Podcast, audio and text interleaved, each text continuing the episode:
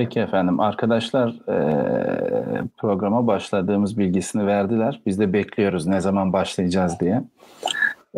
Hepinize merhabalar, hayırlı akşamlar diliyorum.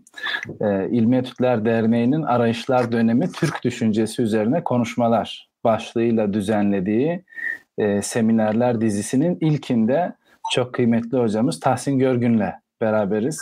Hoş geldiniz, sefalar getirdiniz değerli hocam. Hoş bulduk. Hayırlı akşamlar. Sağ olun, var olun. Bu seminer dizisi esasında yakın zamanda e, arayışlar dönemi diye tabir ettiğimiz 19. 20. E, yüzyıllarda ve hali hazırda içinde bulunduğumuz evreyi dikkate alacak şekilde neşredilmiş e, önemli birkaç kitabın yazarıyla e, Türk düşüncesinin e, arayışlar dönemindeki seyri üzerine müzakerelerde bulunma fikri etrafında ortaya çıktı.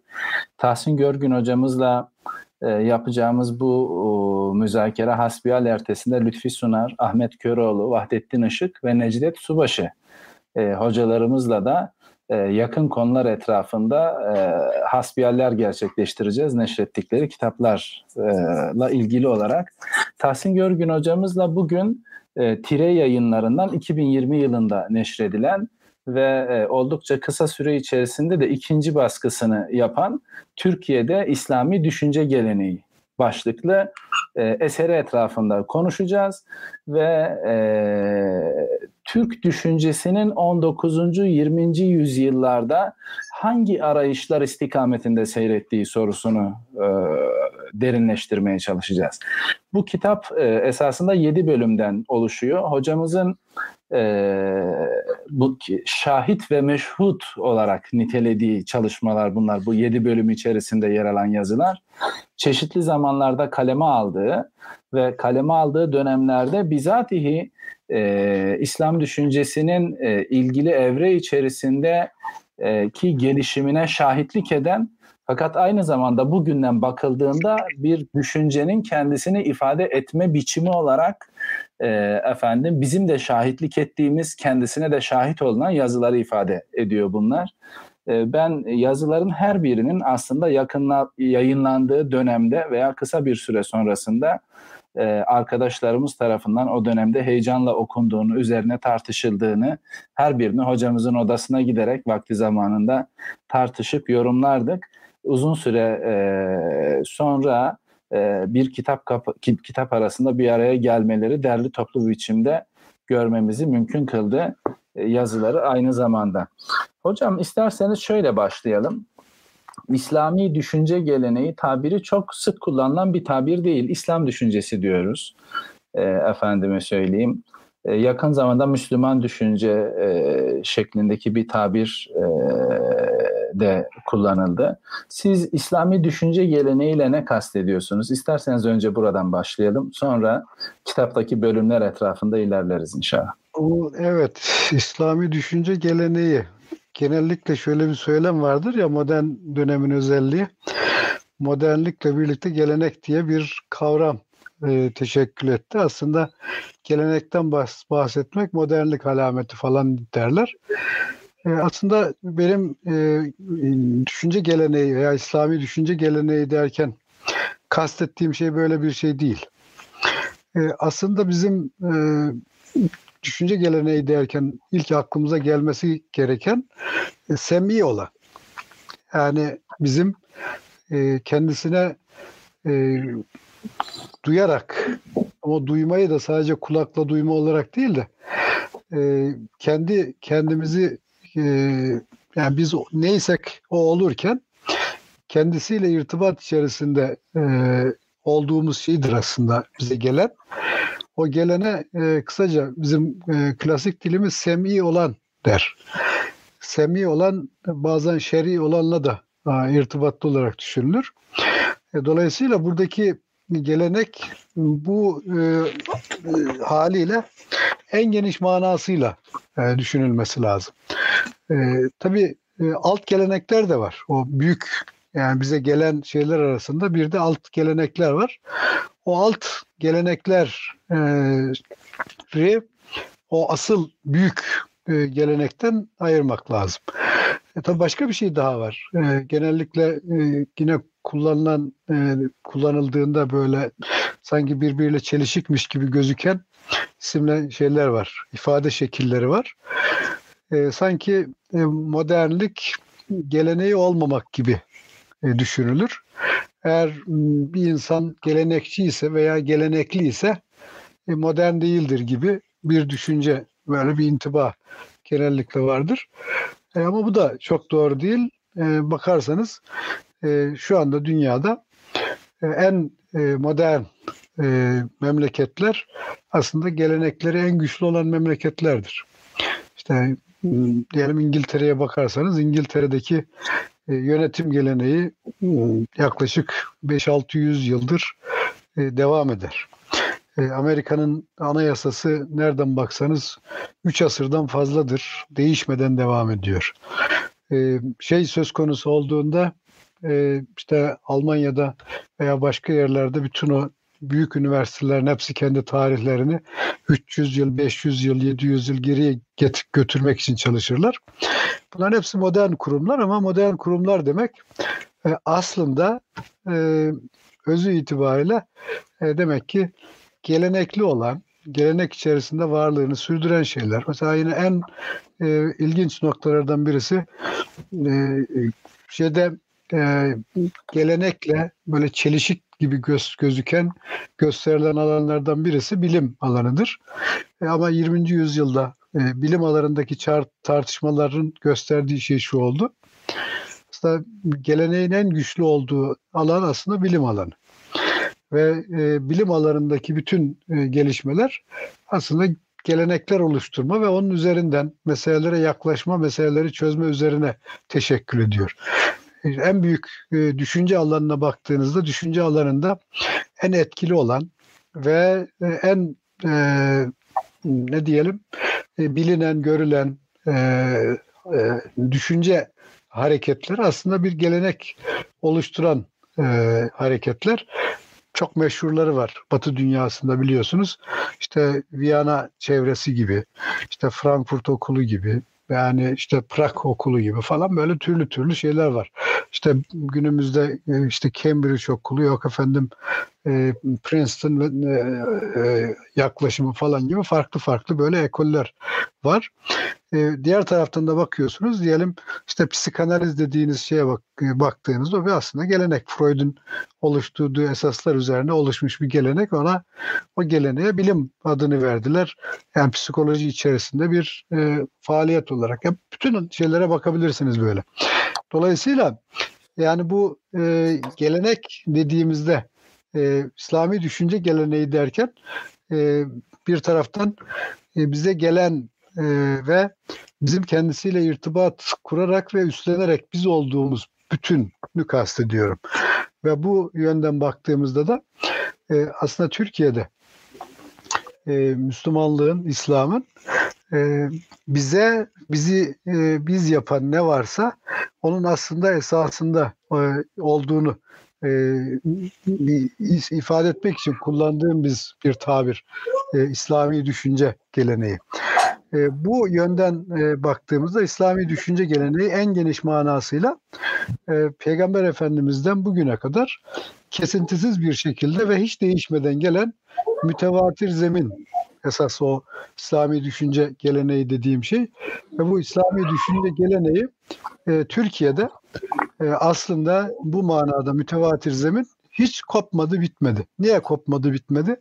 E çünkü bu e, İslami düşünce geleneği dediğim mütevatir e, e, mütevatir zemini herhangi bir şekilde e, bir e, onun ona ait olmayanların buna dokunma ihtimali yok, imkanı yok. Öyle dokunulamaz, e, korunaklı bir şey. E, diğer taraftan da bu korunaklı şey e, engeller ortadan kalktığında kendisini açığa çıkarıyor ve gösteriyor. Bunu biz aslında e, nerede e, görüyoruz?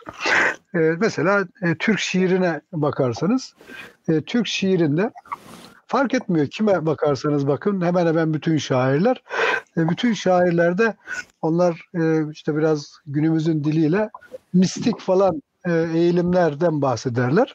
aslında mistik eğilim falan dedikleri şey normal. Ve bizim e, Anadolu irfanıyla irtibat halinde olmak demek zaten. Anadolu irfanının da bir adım e, gerisi zaten dediğim gibi mütevatir zemindir, mütevatir olandır. E, dolayısıyla e, bizde e, şeyin e, yani şiir e, e, şiirin çok önemli bir özelliği vardır. İsmet Özel onu özellikle e, vurgular. Yani şair olmak için yani ne paraya ne birilerinin size bir şey vermesine, birilerinin beklentisine şuna buna ihtiyacınız yok. Siz eğer e, bir şeyin farkındaysanız ve bunu e, söyleyebiliyorsanız şairsiniz zaten. Dolayısıyla burada herhangi bir şekilde birilerinden izin almak bir bir şey değil. Yani şiir dediğimiz alan öyle bir alan ki kendisiyle kaim. Dolayısıyla birileri tarafından bağışlanmış bir şey değil o. Birilerin tarafından bağışlanmış derken tabii ki şairlik bir bağış için. O bağış da esas itibariyle yani Cenab-ı Hakk'ın verdiği bir şey. Şair e, kendisine verilen bağışın kaynağının farkında olduğunda zaten e, tabiri caizse hakikileşiyor onun e, sanatı da hakikileşiyor. Öyle diyelim. Bunu e, dikkate aldığımızda e, mesela şiire bakarsanız e, Türk şiiri aslında e, Türk düşüncesinin e, ilk elden kendisini izhar ettiği e, alandır. Yani onu iyi takip etmek gerekiyor. Hatta yani bunu şiirle alakalı o kadar söyleyeyim. Şimdi diğer taraftan e, diyelim şeydeki Türkiye'de farklı farklı alanlarda mesela e, Türk Edebiyatı'yla alakalı üniversitelerimizdeki eğitime bakın. E, şu veya bu şekilde Müslümanlıkla alakalıdır. Yani siz e, üniversitede e, Türk Dil Edebiyatı bölümünde ders veriyorsanız veya orada öğrenciyseniz e, karşınıza Fuzuli çıkıyor, Baki çıkıyor, efendim Şeyh Galip çıkıyor e, ama aynı şekilde Akif çıkıyor, işte modern şairler hepsi ne kadar şair varsa şimdi bu şairlerin hepsine baktığınızda e, bu şairlerin terennüm ettiği şey e, özü esas itibariyle yine Müslümanlık ve Müslümanlıkla alakalı e, bunu e, diyelim tarih alanına bakıyorsunuz. E, bir Türk tarihini e, konuşacaksınız, anlatacaksınız. E, şu veya bu şekilde isteseniz istemeseniz de orada İslam'ı, Müslümanlığı dile getirmeniz gerekiyor. E, şimdi e, bu nerelerde e, bu İslamiyetle olan e, o gelenekle olan irtibat nerede e, şey yapıyor, ihmal edilmeye başlıyor. E, mesela sosyal bilimler alanına geçtiğinizde orada yavaş yavaş bir farklılaşma oluyor. Yani belli ölçüde bakıyorsunuz. E, işte sosyoloji alanında e, öğretilenlere bakıyorsunuz. Orada Durkheim'i, efendim Max Weber'i, Talcott Parsons'ı, Marshall'ı vesaire birileri veya Marx'ı anlatmaya başladığında orada zaten dinleyen öğrenciler biraz kendileriyle alakalı olmayan bir şeyle e, karşı karşıya olduklarını fark ediyorlar. Böyle bir şey. E, ama burada da ilginç olan taraf e, diyelim Türkiye'de sosyolojiyle iştigal eden insanların şu veya bu şekilde iştigalinde e, yine e, düşünce gel İslami düşünce geleneği dediğim şey kendi etkisini gösteriyor. Orada mesela Ziya Kalp'in diyelim tercihine baktığınızda e, Durkheim'i tercih etmesi ve onunla irtibatlı olarak e, fikirlerini dile getirmesinde e, Durkheim'in e, dinle irtibatının çok güçlü olması ve o çerçevede özellikle yani toplumsal o konsensüsle bağlantılı olarak yaklaşımları onun üzerinden icma e, fikriyle bir irtibatının kurabilmesi mesela kendi başına önemli. Diğer taraftan bakıyorsunuz e, diyelim şeyin e, Türkiye'de e, Hans Freyer gibi, Max Weber gibi e, düşünürlerin sosyolojide özellikle tercih edilmesi, onların özellikle dille irtibatlı olması, din sosyolojisiyle ilgili çalışmalar yapmış olması. Dolayısıyla yani din sosyoloji derken onlar ilk ilk anda Hristiyanlığı kastetseler de o Hristiyanlığı konuşurken onun üzerinden e, İslamiyet'i de dile getirme imkanını sağladıkları için bakıyorsunuz Marx'tan daha çok e, Max Weber'in e, Türkiye'de e, sosyoloji e, alanında tercih edilmesi e, tesadüfi değil. Orada da aslında İslami düşünce geleneği dediğimiz yaklaşım dediğimiz aslında bir ne diyelim ontik zeminin etkisini görüyorsunuz. Benzer alanları çok farklı alanlarda görebiliriz. Yani her ne kadar ilk bakışta yani sati olarak baktığımızda e, Türkiye'deki olup biten şeyler sanki e, Batı'yı taklitmiş gibi, e, Batı'dan böyle e, herhangi bir şekilde süzülmeden, bir süzgeçten geçirilmeden alınmış gibi gözükse de aslında işin hakikatini e, dikkate aldığınızda hakikatte çok önemli tercihler yapıldığını ve var olanın e, lehine bir e, tercih şeklinde e, gerçekleştiğini görebiliyoruz. Ve bu bizi aslında o İslami düşünce e, geleneğiyle alakalı daha dikkatli ve esaslı tabiri caizse varoluşsal ve ontolojik bir şey bir perspektiften bakmayı gerektiriyor. Bu arada bir neyse evet Evet. Evet hocam. Aslında burada İslami düşünce geleneğinin ne olduğu sorusuna gelenek nedir? İslam düşünce geleneği nedir? İslami düşünce geleneğinin Türkiye'de e, üretilen fikriyatın e, konumu açı konu iç, fikriyat içerisindeki konumu nedir gibi soruları etraflı cevaplar aranıyor metinde. E, sonrasında Türkiye'de İslami düşüncenin geleceği e, başlığını müzakere edeceğiz. Fakat e, henüz bu kısımda e, şöyle bir soruyu siz de gündeme getiriyorsunuz. Özellikle arayışlar döneminde yani 19. 20. yüzyıl itibariyle e, Türkiye'de genel olarak İslam dünyasında ortaya çıkan entelektüel buhranı aşma e, yönünde e, efendim e, bu arayışlara arayışları domine edecek, onları asıl itibariyle yönlendirecek ve onlara İslami bir veçhe kazandıracak e, bir çabaya engel olan durumlardan bahsediyorsunuz metinde. E, ve esasında bu aynı zamanda sizin kendisine temas ettiğimizde e, onunla ilişkiye geçerek bir geleneği dinamik bir biçimde sürdürme e, imkanını da men eden bir cihete sahip. Sizce on bu arayışlar dönemi itibariyle e, İslam düşünce geleneğiyle e, irtibatımızın e, efendim e, önündeki engeller neler olarak göründü? Bunları nasıl tespit edebiliriz? Belki onlarla hesaplaşmak, üstesinden gelme yönünde bir çabaya girişme sadedinde bu sorunun cevabı önemli olabilir. Tabii biz e, İslami düşünce geleneği derken o asli olanı, mütevatir zemini e, dikkate alarak evet. birçok sorunun cevabını verebiliyoruz. Yani şöyle söyleyeyim, e, Türkiye de Türkiye 20. yüzyılda e, ciddi şekilde e, Batı medeniyetini üstlenmek için gerçekten gayret sarf etti. Yani bunu e, artık e, yani herhangi bir iyi ve kötü diye nitelemek sizin e, bunun bu e, gayretin kendisini görmek lazım. Bu gerçekten e, samimi gayretle yapılmış olan bir şeydi ama e, şunu bugün geldiğimiz noktada bakıyoruz. Yani Batı medeniyetinin başarılarını tanıma ve hatta üstlenme konusunda yani e, herhangi bir neredeyse eksik bir şey kalmadı. Fakat Batı medeniyetinin başarılarını üstlenmiş olmakla birlikte e, Batılılar bize hiçbir zaman için yani siz Batılı oldunuz falan demediler, demiyorlar da yani. Bunu ben bizzat kendim de zaten e, yani kendi tabiri caizse bedenimde iliklerime kadar hissederek e, yaşadım. Kendi hayatımda yaşadığım bir şey. Yani siz e, istediğiniz kadar Max Weber'i Almanya'da öğrenin ve Almanlara anlatın. Max Weber'i biliyor olmanız sizi batılı yapmıyor. Beni batılı yapmadı yani. Kant'ı biliyor olmam da e, beni batılı yapmadı. E, işte Heidegger'le e, aşık atmak, onunla bazı meseleleri tartışmak veya ona karşı çıkmak, taraftar olmak da beni batılı yapmadı. Yani ben, bana bakan e, her insan her halükarda bir Müslüman Türk gördü. Yani yıllarca Batı dünyasındaki yaşadığım hayatım bir defa öyleydi. Bu sadece benim kendimle alakalı değil. Mesela Türkiye'den e, Almanya'ya gitmiş ve kendisini işte Marksist, ateist olarak nitelendiren isimler vardı. İsim söylemeyeyim ben. Bir gün baktım mesela onlardan birisi e, protestanların bir diyalog faaliyeti vardı. Orada diyalog faaliyetine katılmış. Orada e, Hristiyan-Müslüman diyalogunda Türkiye kökenli kendisi Marksist ve ateist olan birisi Müslümanları temsilen diyalog faaliyetine katılıyor. Yani bu bu ironi değil aslında, ironik değil. Niye ironik değil?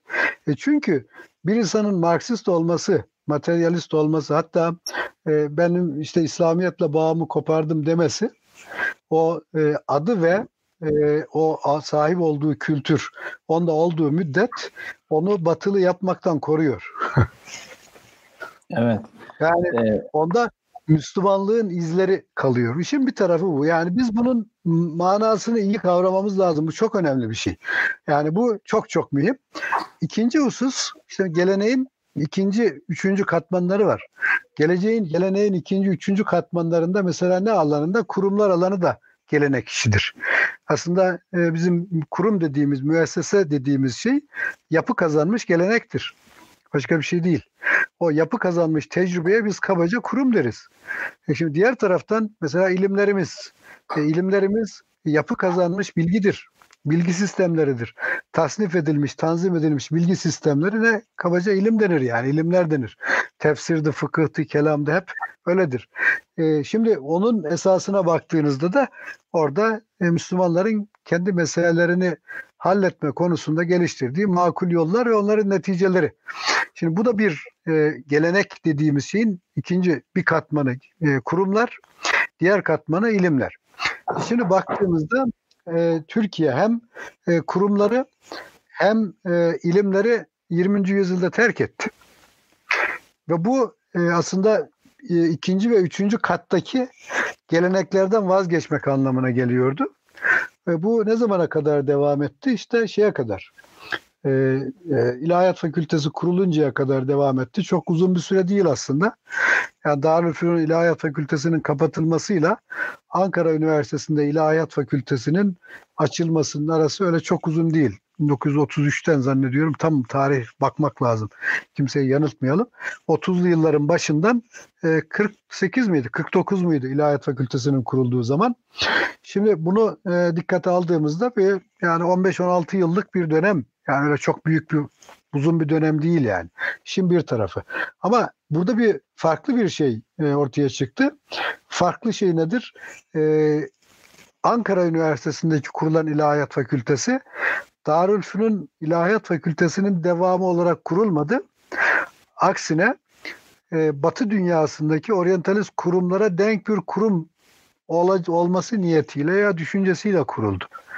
Böyle bir durum söz konusu. En azından görünüş olarak öyle bir görüntü e, sergilendi. Fakat İlahiyat Fakültesi kurulduktan sonra e, İlahiyat Fakültesinden e, yani herhangi bir oryantalist kurumda hiç olmayacak olan bir şey gerçekleşti. İlahiyat Fakültesi müftü ve vaiz yetiştirdi yani. Bu nereden kaynaklanıyor? Yani bu işte bizim bu soruyu sormamız lazım.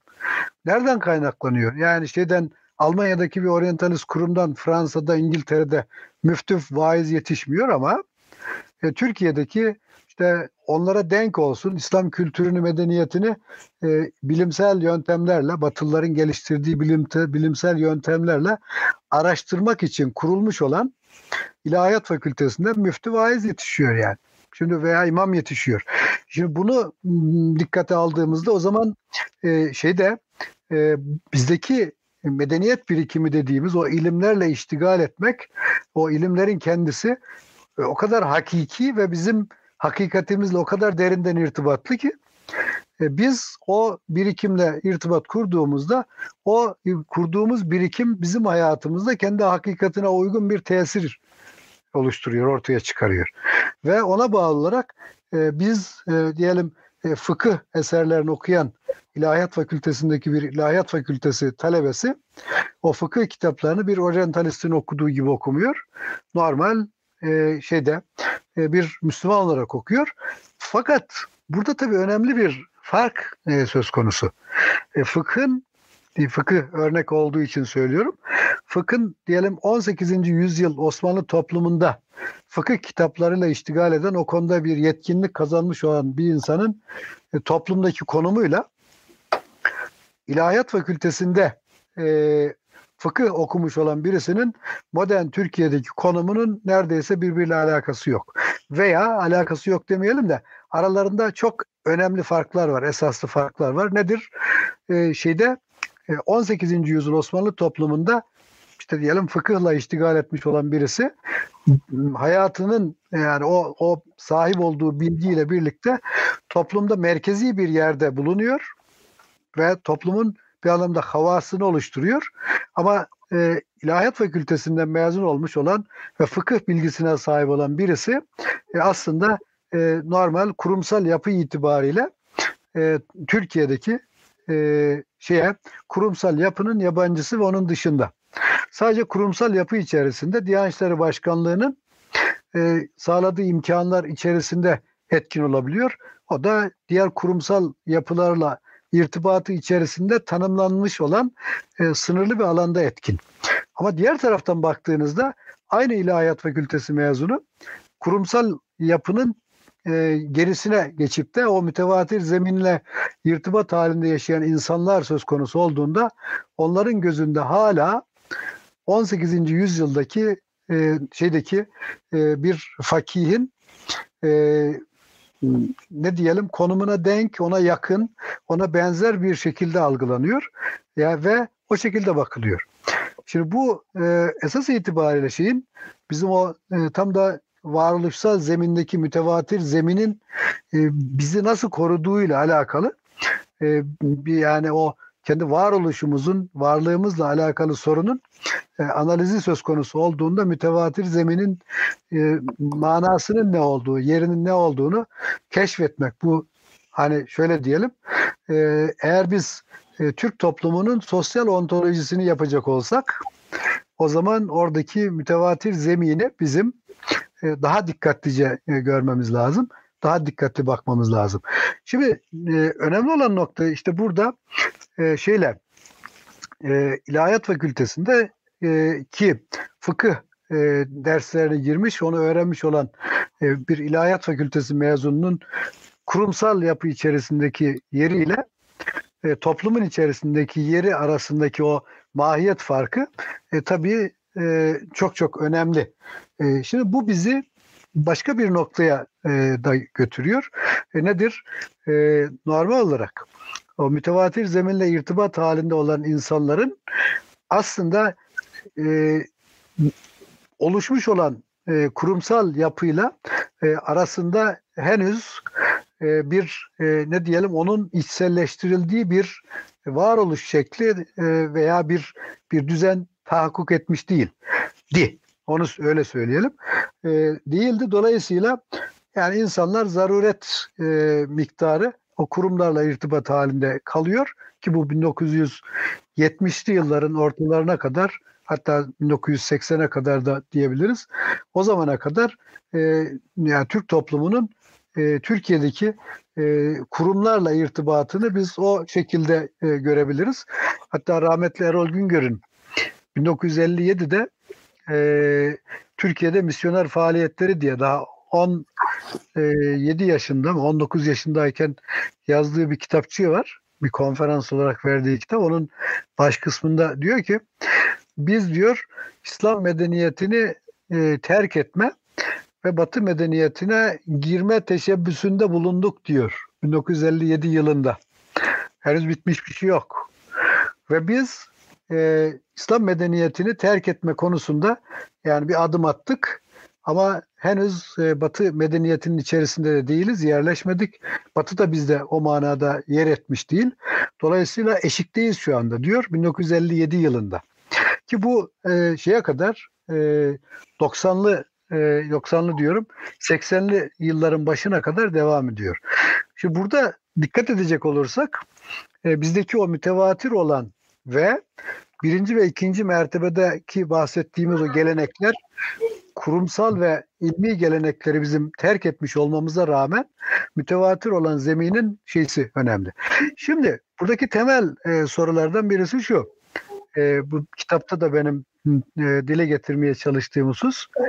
E, bir defa acaba e, Türkiye'de yaşayan e, insanlar bu birinci ve ikinci derecedeki e, geleneklerle ki orada alt gelenekler var. Yani işte bir fıkıh dediğimizde farklı mezhepler var.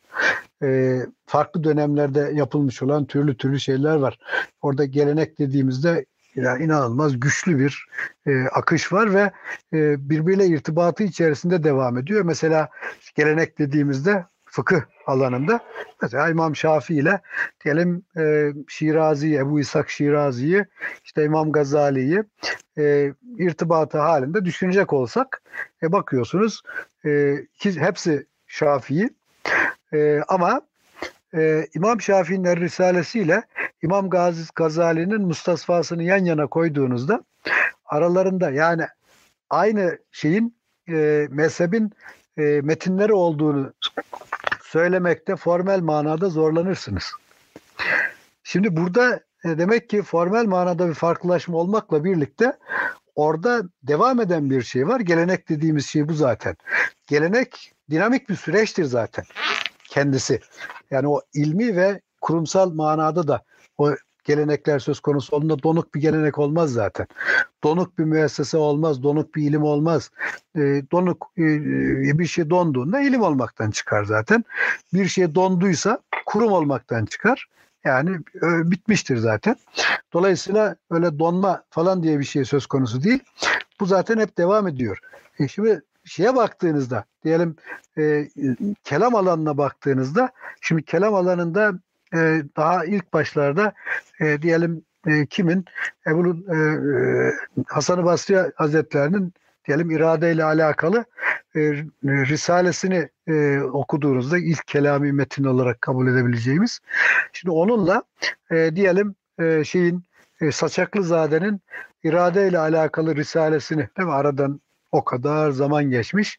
E, birbir yan yana okuduğunuzda e, aslında aslında bir geleneğin e, devamı olduğunu fark edersiniz ama bir taraftan baktığınızda ayniyet öbür tarafta fark karşınıza çıkar. O ayniyetle fark içerisindeki e, o irtibatı e, dikkate aldığınızda e, aslında o alanda da e, ilimler alanında da geleneğin nasıl canlı ve hareketli bir şekilde devam ettiğini görebilirsiniz. E, şimdi bazı ifadeler var. Yani o ifadeleri maksadını aşan şekilde kullanmak e, bazılarının işine yaradığı için onları kullandı. Mesela işte içtihat kapısının kapanması gibi. Efendim bu mesela çokça kullanılan şeylerden birisi. Mesela çok suistimalden ifade şeylerden birisi. Acaba işte şey diyelim Katip Çelebi'nin e, bir e, sözü var malum. E, şeyde e, şeyde felsefe e, eğitimi e, şeyde medreselerde işte felsefeler kaldırıldı falan gibi böyle ifadeler var. Şimdi o ifadeleri e, okuyup okuyor insanlar. Sonra tutup e, bazı e, Osmanlı toplumunda ortaya çıkan zaafları da bir araya getirdiklerinde hemen oradan bir hükme varıyorlar. Diyorlar işte felsefeyi siz medreselerden çıkarırsanız işte böyle başınıza belalar gelir falan gibi. Halbuki biraz daha dikkatlice bakacak olsanız doğru anlayacak olsanız daha doğrusu Katip Çelebi'nin ifadesini e o zaman şunu görürsünüz. Katip Çelebi'nin onayladığı manada felsefi bir akımla alakalı olarak bazı sıkıntılar olmuş. Ama başka bir tarafta o felsefi faaliyet dediğimiz şey e, Osmanlı toplumu kültürün e, yani şeyinde e, ilmi e, geleneklerin içerisine o kadar güçlü şekilde yerleşmiş ki ya öyle söküp atmak falan mümkün değil. Yani siz şimdi tutup bir e, şeyin mesela kafiyenin dil bilimiyle alakalı, nahivle alakalı bir kitap. E, onun şerhlerine, haşiyelerine baktığınızda e, Molla Camii'yi okuduğunuzda veya onun e, şerhi haşiyesi Muharrem'i okuduğunuzda e, orada çok esaslı felsefi meselelerin tartışıldığını görürsünüz. Dilin mahiyeti, anlamla alakalı falan türlü türlü şeyler. Sırf e, bu isnat meselesinin kendisinin tartışılması kendi başına ayrı bir şey. E diğer taraftan mantıkla alakalı yapılan o kadar esaslı müzakereler, tartışmalar var ki e bunlar hep devam ediyor. Şimdi biz tutup da e, şeyi e, felsefi faaliyeti sadece işte belirli bazı kitapların okunmasına indirgeyecek olursak e, orada e, kusur bizde olur. O e, gelenekte olmaz. Aynı şekilde kurumsal alanda da e, dediğim gibi e, bir taraftan baktığımızda yani işte farklı farklı alanlar diyelim üniversite. E, şimdi üniversite e, ile alakalı bunu son olarak söyleyeyim. Sonra e, diğer şeylere devam edebiliriz. E, şimdi mesela üniversiteye bakıyorsunuz. Üniversite reformunun e, öncesindeki Darülfünun ile e, Darülfünun'un e, bir anlamda tasfiye edilerek yapılmış olan reformla birlikte ortaya e, konulmuş olan üniversite aslında e, iki ayrı e, kurumdur. E, birisi e, baktığınızda bütün bir İslam medeniyet birikimini şu veya bu şekilde içinde taşır Darülfünun. E, yeni kurulan yani reforme edilmiş üniversite de artık e, Darülfünun hocalarının mümkün olduğu kadar tasfiye edildiği, onun yerine batıdan gelmiş hocaların e, tabii e, şeyde e, belirli e, sözleşmeler, antlaşmalarla e, istihdam edildiği ve e, tabir caizse e, insanlık tarihinin e, ilk pozitivist e, üniversite kurma teşebbüsü. Yani hakikaten de böyle e, kelimenin tam anlamıyla pozitivist bir e, şey üniversite kurma teşebbüsü. E, bunun e, bilebildiğim kadarıyla ikinci bir örneği şey var. Frankfurt Üniversitesi 2. Dünya Harbi'nden sonra e, orada da e, böyle tam e, pozitivist bir üniversite kurma teşebbüsü olmuş. E, işin e, ilginç tarafı Frankfurt Üniversitesi de sonra da Türk Üniversitesi yine yani bunun anlamına ilahiyat fakültelerini öngörmemişler. Normalde Alman üniversitelerinin o geleneksel Alman üniversitelerinin ilk fakültesi şeydir. E, teolojidir veya felsefedir. Yani ya birincisi felsefedir, e, ikincisi teolojidir veya birincisi e, teolojidir, ikincisi felsefedir. Yani o şekilde kurulmuştur o bütün üniversiteler ve hala o geleneklerini sürdürürler. Türkiye'ye baktığınızda Türkiye'de üniversite reformuyla birlikte o reformu da başrolü üstlenen hocalar Müslüman olmadıkları için zaten e, dünyalarında Müslümanlık yok. Herhangi bir şeye baktıklarında bu toplumu e, anlamak istediklerinde, araştırmak, bu toplum hakkında bir şey yapmak istediklerinde e, Müslümanlıkla mütevatir olanla herhangi bir irtibatları yok. Ona bağlı olarak öyle diyelim felsefeyi okuturken o şekilde okutuyorlar. Mühendisliği evet. okuturken o şekilde okutuyorlar. Mimarlığı okuturken o şekilde yani kurup yürütürken o şekilde. Filolojiyi kurup yürütürken o şekilde yapıyorlar. Şimdi bunlara e, baktığınız vakit yani orada e, bakın şeyle bizim o ilmi ve kurumsal e, olanla irtibatımızın e, 30'lu yıllardaki kopma süreci bu. Şimdi bunu yaparken burada e, eksik bazı şeyleri söylemiş olmamak için sadece şu kadarını söyleyeyim. Bu yapılırken tabii çok iyi niyetli davranıldığı konusunda benim bir şüphem yok. Her bir e, burada üniversite reformunda kendisine vazife verilen batılı e, hocayla antlaşma yapılıyor. Ve antlaşmalarda şu şart koşuluyor. Diyorlar ki işte 3 yıl içerisinde sen bütün bildiğini bir asistana veya birkaç tane asistana öğreteceksin. İlk vazifen bu. İkincisi e, bu üç yıl içerisinde kendin Türkçe öğreneceksin.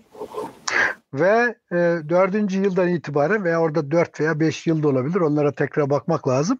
Sonra bütün eğitim tamamen Türkçe olacak ve sen yetiştirdiğin elemanlar üzerinden e, modern bilimi, modern birikimi e, şeyler e, aktarmış olacaksın ve sonra bu üniversitede modern birikime e, herhangi bir e, şey karışmadan yani bizim klasik birikimimiz, medeniyet birikimimizin karışmadığı modern birikime sahip e, şeyler bilim adamları bu üniversiteyi üstlenip yürütecek. E, şimdi böyle yapılmış ve bunun e, Türkiye'deki e, işte bilimsel e, gelişmeleri e, sağlayacağıyla alakalı bir umut e, bağlanmış buna. E, burada e, tabii zaman içerisinde ama şu ne ortaya çıktı? Zaman içerisinde ortaya çıkan şey şu oldu. E, bilim dediğimiz şey boşlukta olmuyor. Kurumlar da boşlukta kurulmuyor. Ve eğer bir kurum, bir müessese veya bir bilim e, varlığını sürdürecekse kök salması lazım yapıldığı toplumda kök salması lazım. O toplumdaki o köklerle, toplumu bir arada tutan köklerle bir yerlerde uyuşması lazım. Ve e, Türkiye Üniversitesi'nde gördüğümüz şu anda ilk bakışta oldukça kaotik gibi gözüken durumun e, kavranmasını isterseniz veya Türkiye'deki kurumsal alandaki e, yapılan şeylerde ki o dönüşümlere e, bakacak olursanız e, kurumlarla toplum arasındaki o uçurumun zaman içerisinde şeyde toplumun lehine değişmesi ile gerçekleşiyor. birileri tutup mesela buna şeyden batıcılıktan, batılılaşmaktan verilmiş tavizler olarak bakabilirler. Ama bu böyle değil. İşin gerçeği e, orada e, hakiki olan e, tahakkuk ediyor aslında öyle söyleyeyim. Etkisini gösteriyor. Evet. Burada hocam e, İslami düşünce geleneğiyle ilgili olarak tevatür kavramına e, oldukça önemli bir rol veriyorsunuz ve e, mütevatir zemin diye bahsettiğiniz unsur esasında e, uzunca bir dönem içerisinde teşekkül etmiş ve tarihsel cihetleri e, efendim e, takdir edebi, edilebilecek geniş bir literatürün altında e, yatan ve onu İslami hale getiren hayat görüşü alanına tekabül ediyor. Yani kendisine tabi olmak suretiyle bir insanın Müslüman olarak e, nitelendirildiği zemini ifade ediyorsunuz. E, bunu e, sıklıkla vurguluyorsunuz ve Türkiye'deki entelektüel krizler kriz, krizi daha söz gelimi İbn Sina'nın herhangi bir eseriyle, İbn Haldun'un herhangi bir eseriyle ya da ne bileyim e, filanca düşünürün filanca teorisiyle temas kuramama e, şeklindeki bir krizin de ötesinde e, aslında bu altta yatan mütevatir zeminle yani Müslüman olmamızı mümkün kılan asli ilkelerle e, bir temassızlıkla açıklıyorsunuz entelektüel krizi. Şimdi bu oldukça hayati bir e, vurgu esasında Türkiye'de Türk düşüncesinin seyri açısından e, vurguda bulunduğunuz Darülfünun e, efendim e, hadisesi sonrasında üniversite reformu onun Batı dünyasında üretilen birikimi temsil etme, aktarma, e, efendim e, yeniden yorumlama teşebbüsleri gerçekten temsil kabiliyeti çok yüksek örnekler. E, geçenlerde ben e, bu ilk Darülfünun binasına e, değinmiştim bir yerde bir vesileyle. E, ilk Darülfünun binası Ayasofya'nın hemen e, solunda Topkapı Sarayı'nın önünde eski Bizans efendim konsey binasının üzerinde tamamen e, Panteonvari bir bina şeklinde inşa ediliyor. Sonradan yıkılıyor tabii, yakı, e, yanıyor. Bugün mesela kimse bugün bile böyle bir bina yapma teşebbüsünde bulunamaz. Yani e, Osmanlı hayatının kalbine yerleşen bir merkez. Şimdi şu soruyu sormak istiyorum. Bu temassızlık, bu temassızlık, bu mütevatir zeminle e, ortaya çıkan temassızlık aynı zamanda Müslümanların kendisi sayesinde Müslüman olduğu ve başkalarına da götürmekle mükellef hissettikleri teklifle e, ilgili bir temassızlık ve ona dönük bir itimatsızlık içeriyor. İtimatsızlık. Belki de ilk defa ta, mesela tarih boyunca Müslümanlar kendi tekliflerine itimatlarını yitirdiler. Hem bu teklifin onların hayatını inşa etme gücüyle ilgili itimatlarını kaybettiler. Hem de başkalarına o teklifin yani bütün insanlığa anlamlı bir şekilde taşınabilmesi gerektiği yönünde bir şüpheye sahip oldular. Mesela 18. yüzyıl da da biz batılaşma eğilimlerini görüyoruz. Lale devrinde mesela e, gerçekten önem kazanan, yoğunlaşan, derinleşen. Fakat bu dönemde e, ki ulemanın e, kendi tekliflerinden it, yönelik bir itimatsızlık geliştirdiğine şahit olmuyoruz. Fakat 19. 20. yüzyıla doğru geldiğimizde e, Müslümanların bizatihi teklifleriyle ilgili bu itimatsızlığı derin bir entelektüel buhrana neden oluyor. E, ben bir konuşmamızda sizinle şöyle dediğinizi hatırlıyorum. Bizatihi bu teklif, teklifin manasında içinde külfet de var. Tabii bir külfeti yükleniyoruz biz esasında.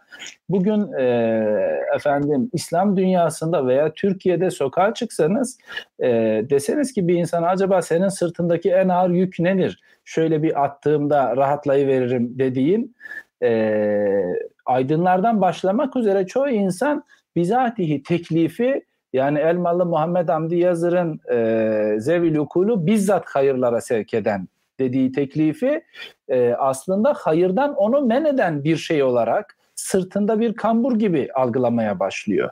Temasın imkanları yerine ondan kaçmanın kendilerine doğuracağı bir imkandan bahsediyorlar. Bu zemin içerisinde Türkiye'de İslami düşünce geleneğinin e, efendim veya Türk düşüncesinin diyelim e, manzarasını nasıl çizersiniz? Yani bu temassızlık 19. 20. yüzyılda sosyal bilimler alanında, doğa bilimleri alanında hasılı Türkiye'deki bilimsel ve entelektüel üretim e, anlamında nasıl bir netice doğurdu ve neyle karşı karşıyayız biz? Önce belki bu buhranı biraz sizin kitapta sömürgecilik meselesini ontolojik bir vaka alarak ele alıp derinleştiriyorsunuz. Bunu da dikkate alarak soruyorum hocam. Evet yani e, buradaki e, önemli mesele e, bizim e, kabaca e, forme benim kabaca formel yapılar dediğim e, cihetle alakalı. Buna işte Heidegger teknik diyor. E, şey e, Hudson o e, dünya tarihi yeniden düşünmek e, kitabında evet teknikleşme e, evet. İsimlendiriyor. Hep o Heidegger'le alakalı. Benzer şeyi e, bu e, Carl Schmitt e, siyasal teoloji diyor ve ona aynı şekilde romantiklik de bir haliyle e, yine o tek şeyle formelleşmeyle alakalı. E, bu nedir? E, bunu biz aslında şeyde görüyoruz. E, bunu mesela çok iyi farkında olan isimlerden birisi bizzat Namık Kemal. Şimdi Namık Kemal'i Namık Kemal'in çok meşhur e, işte kasidelerinden birisi değil mi? Hürriyet e, kasidesi. E, Hürriyet kasidesini okurken e, Hürriyet kasidesi şeyle başlar. E, ilk e, beyti şey, mısrağı Görüp ahkamı asrı münharif sıdkı selametten çekildik izzetü ikbal ile babı hükümetten diye başlıyor. Ve e, bir sonraki e, şeyinde de e, bir sonraki mısra usanmaz kendini insan bilenler halka hizmette halka hizmetten mürüvvet mend olan mazluma el çekmez ihanetten. Şimdi bir taraftan e, babı hükümetten çekilme ama e, diğer taraftan da e, aslında e, şey söz konusu olduğunda yani yapması gereken şeyle bağlantılı da e, ondan kaçmama yani o şimdi ilginç olan nokta e, bu genellikle e, Namık Kemal'in çok şahsi ilgileriyle açıklanır. E, işte o dönemde e, şeyler e, bazı insanlar ahlaksızca işler yapıyordu. E, ondan dolayı e, Namık Kemal e, şey yaptı.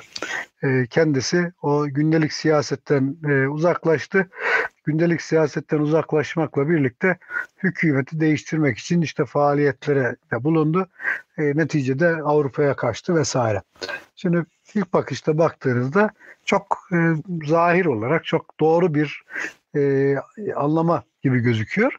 Ama biraz daha yakından bakmamız gerekiyor. Yakından baktığımızda Namık Kemal'in Mesela terakki ile alakalı bir yazısı vardır. Orada İngiltere'deki terakkiyi över anlatır anlatır anlatır ve yeryüzünü böyle bir cennet haline getiren bir e, faaliyet gibi terakki ilerlemeyi o şekilde anlatır. Ama sonunda der ki e, bu şey e, bu Batı dünyasında ortaya e, çıkan e, işte terakki dediğimiz şey e, çok esaslı e, yapısal yani bizim ifademizle yapısal zaaflar, problemler taşıyor içinde der ve ondan sonra o yapısal problemleri böyle yarım sayfada çok güzel bir şekilde anlatır. Şimdi e, o yapısal problemlerle bağlantılı olarak e, o taraflardan baktığınızda e, aslında e, Namık Kemal'in e, farkına vardığı bir şey var Tanzimat'la birlikte. Tanzimat'la birlikte genellikle şeyler var, nizamnameler oluşturuluyor. Nizamnameler üzerinden bakanlıklar kuruluyor. Bakanlıkların içerisinde ayrı ayrı alt birimler oluşturuluyor. Hepsi nizamnamelerle kuruluyor ve yürütülüyor. Nizamnamelerle kurulup yürütme demek bir şeyi formelleştirmek demek. Ve o nizamnameler oluşturulurken de bir taraftan e, devletin mevcut ihtiyaçları e, ön planda, onu karşılamak ön planda. E, başka bir taraftan da Batı dünyasında ortaya çıkmış olan kurumlara da göz ucuyla bakıyorlar tabii ki. O göz ucuyla Batı dünyasındaki ortaya çıkmış olan kurumlar, onların nizamları, nizamnameleri de dikkate alınıyor. Onlara bağlı olarak bakıyorsunuz şeyler artık e, işleri insanlar değil müesseseler yapmaya başlıyor. İşleri insanların değil müesseselerin yapmaya başladığı şartlarda artık faziletli insana yer kalmıyor. Faziletli insan değil, işe yarar insana ihtiyacı e, oluyor. 19. yüzyılın ikinci yarısından itibaren Osmanlı toplumunun tanzimatın getirdiği esaslı bir dönüşümdür bu. İşte Namık Kemal kendisi bu İslami birikime yani kültür medeniyet birikimine sahip olan birisi olarak e, faziletli insanların etkin olduğu bir toplumsal düzen, merkezde olduğu bir toplumsal düzenin artık anlamlı olmadığını görerek e, söylediği şey şu, artık formel yapıların etkin olduğu dünyada e, faziletli insanlara yer yok. Ben faziletli bir insan olarak etkin olamayacağım. Kendisine uyarak e, parçası olabileceğim bir kurumda bulunamam. Dolayısıyla aslında o formel yapıların insanları köleleştiren tavrına esaslı bir isyan ve karşı çıkış var. Ve orada devam ettiğinizde Hürriyet kasidesini orada modern e, süreçlerde ortaya çıkan ve e, işte modernleşme olarak nitelenen yapıların e, teşekkül sürecinin e, aslında alternatifsiz olmadığını e, buna bir e, şeyde yani ama Namık Kemal bunun alternatifini bilmiyor tabii. Sadece buna karşı çıkıyor. Karşı çıkar çıkarken de diyor ki biz millet olarak sahip olduğumuz öyle önemli e, hususiyetlerimiz var ki evet. biz, biz bunun üstesinden gelebiliriz. Şimdi bu tanzimatta bizim gördüğümüz o formel yapıların ortaya çıkması. Burada açacak bir soru sorabilir miyim? Bu formel yapılarla kitapta da hocam e, politik e, yapılara e, evet, dikkat çekiyorsunuz. Siyasallaşma tabiri eserde arayışlar dönemi Türk düşüncesine sevk eden gizli ya da görünür vaziyetiyle daima bir saik olarak kendisini gösteren bir şey. E, bu formel yapılarla herhalde bu politik yapılar ve siyasallaşma e, eğilimini yakından ilişkilendiriyorsunuz değil mi hocam? Kesinlikle. Biraz yani, açabilir misiniz bu konuyu? Çünkü hatta, kitapta da çok merkezi bir hüviyeti haiz. Hatta yakın zamanda sizin bu Covid-19'u analiz e, sadedinde yazdığınız bir metinde de bu formel yapıları e, ve e, gizli siyasal e, efendim ne diyelim failleri e, açığa çıkarma yönünde bir imkan olarak değerlendirdiniz. Belki uzunca bir süre e, e, efendim e, genel olarak insanlık tarihi açısından yani önemli bir imkan olarak değerlendirdiniz. Buraya dönecek olursak bu Namık Kemal'in belki böyle kekeme bir şekilde yarı açık yarı e, kapalı bir şekilde hissediyor gibi göründüğü bu formel yapıların tasallut ve tahakkümü altında ilerliyor gibi arayışlar dönemi Türk düşüncesi. Belki bu buhranı sordum ben. Nasıl bir buhranla yüz yüze geldik bu temassızlık neticesinde? Belki burayı biraz daha açma imkanınız olabilir.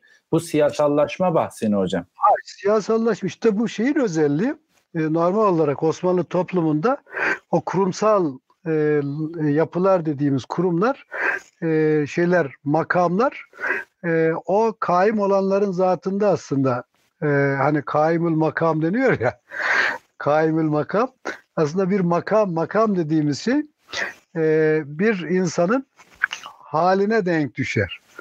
E, yani istikrar kazanmış hale biz makam deriz. E, dolayısıyla e, her insan kendi makamını kendinde taşır. Ve e, insanın makamı insanlar toplum düzeni içerisinde e, şeyde e, diğer insanların birlikte var olma yani hayatını sürdürme sürecinde ortaya çıkmış olan bir mertebede e, bir e, mana kazandığında e, o manayla manaya bağlı olarak e, o manayı e, denk düşen bu özelliklere sahip olan insan o makamında e, makamı artık üstlenmiş olur öyle söyleyelim. Makam insanlara birileri tarafından tevdi edilmez. İnsanların kendileri makamı temsil ederler. Hani şerefül mekan bil mekin sözü tam da bunu ifade eder. Şimdi bunu e, dikkate aldığımız vakit şeyle birlikte Tanzimat sonrasında ki modern Batı dünyasında da böyle ki kilise yapısı vardır onun arka planında. Batı dünyasındaki yapıların, formel yapıların ortaya çıkmasında onu tabii ayrı konuşmak lazım. Ama bizde e, söz konusu olduğunda bizde e, şeyler, e, müesseseler yani toplumdaki devlet kurumları artık e, bir kanunla e, tabir caizse devlet tarafından oluşturuluyor. Ve nizamnamesini oluşturuyorsunuz. Nizamnamesini oluşturduğunuzda bir yapı teşekkül ediyor. O yapı klasik manasıyla müessese diyemiyoruz ona. Bir makam değil. O artık yeni modern bir kurum ve e, devlet kendi ihtiyaçlarına bağlı olarak o şeyleri kuruyor. Neye ihtiyacı varsa onu kuruyor. E, kurarken orada fonksiyonları tanımlıyor. Sonra da toplumda o fonksiyonları icra edecek insanlar yetiştiriyor. Ona uygun şekilde. İnsanların adının, soyunun, efendim ahlaki vasıflarının vesaire hiçbir ehemmiyeti yok artık. Bir yerde bir fonksiyon var. O fonksiyonu karşılayacak insan üretmesi lazım. Bütün eğitim sistemi artık ona uyarlı hale geliyor. Artık faziletli insan değil, e, şeyde o devletin e, kendi ihtiyaçlarına e, uygun onu karşılayacak insanlar e, yetiştirmek e, önemli hale geliyor. Bu Osmanlı e, devletinde çok ciddi sıkıntılar ortaya çıkarıyor. Mesela Said Halim Paşa'nın bu oranlarımızı okursak Said Halim Paşa bunun çok iyi farkındadır aslında.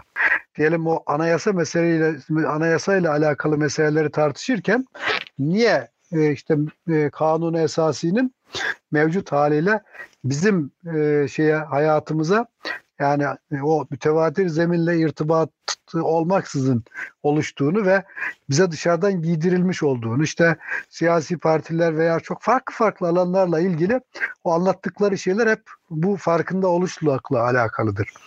E, ama şunu söyleyelim. E, ortada şöyle bir e, durum var.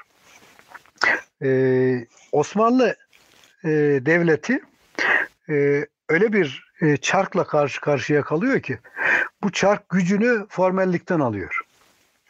Ve bu e, şeyle bu e, diyelim e, o formel çark e, herhangi bir şekilde e, insanların ne dini inancını e, ne e, mezhebini ne meşrebini ve onları artık e, önemli e, olarak görmüyor.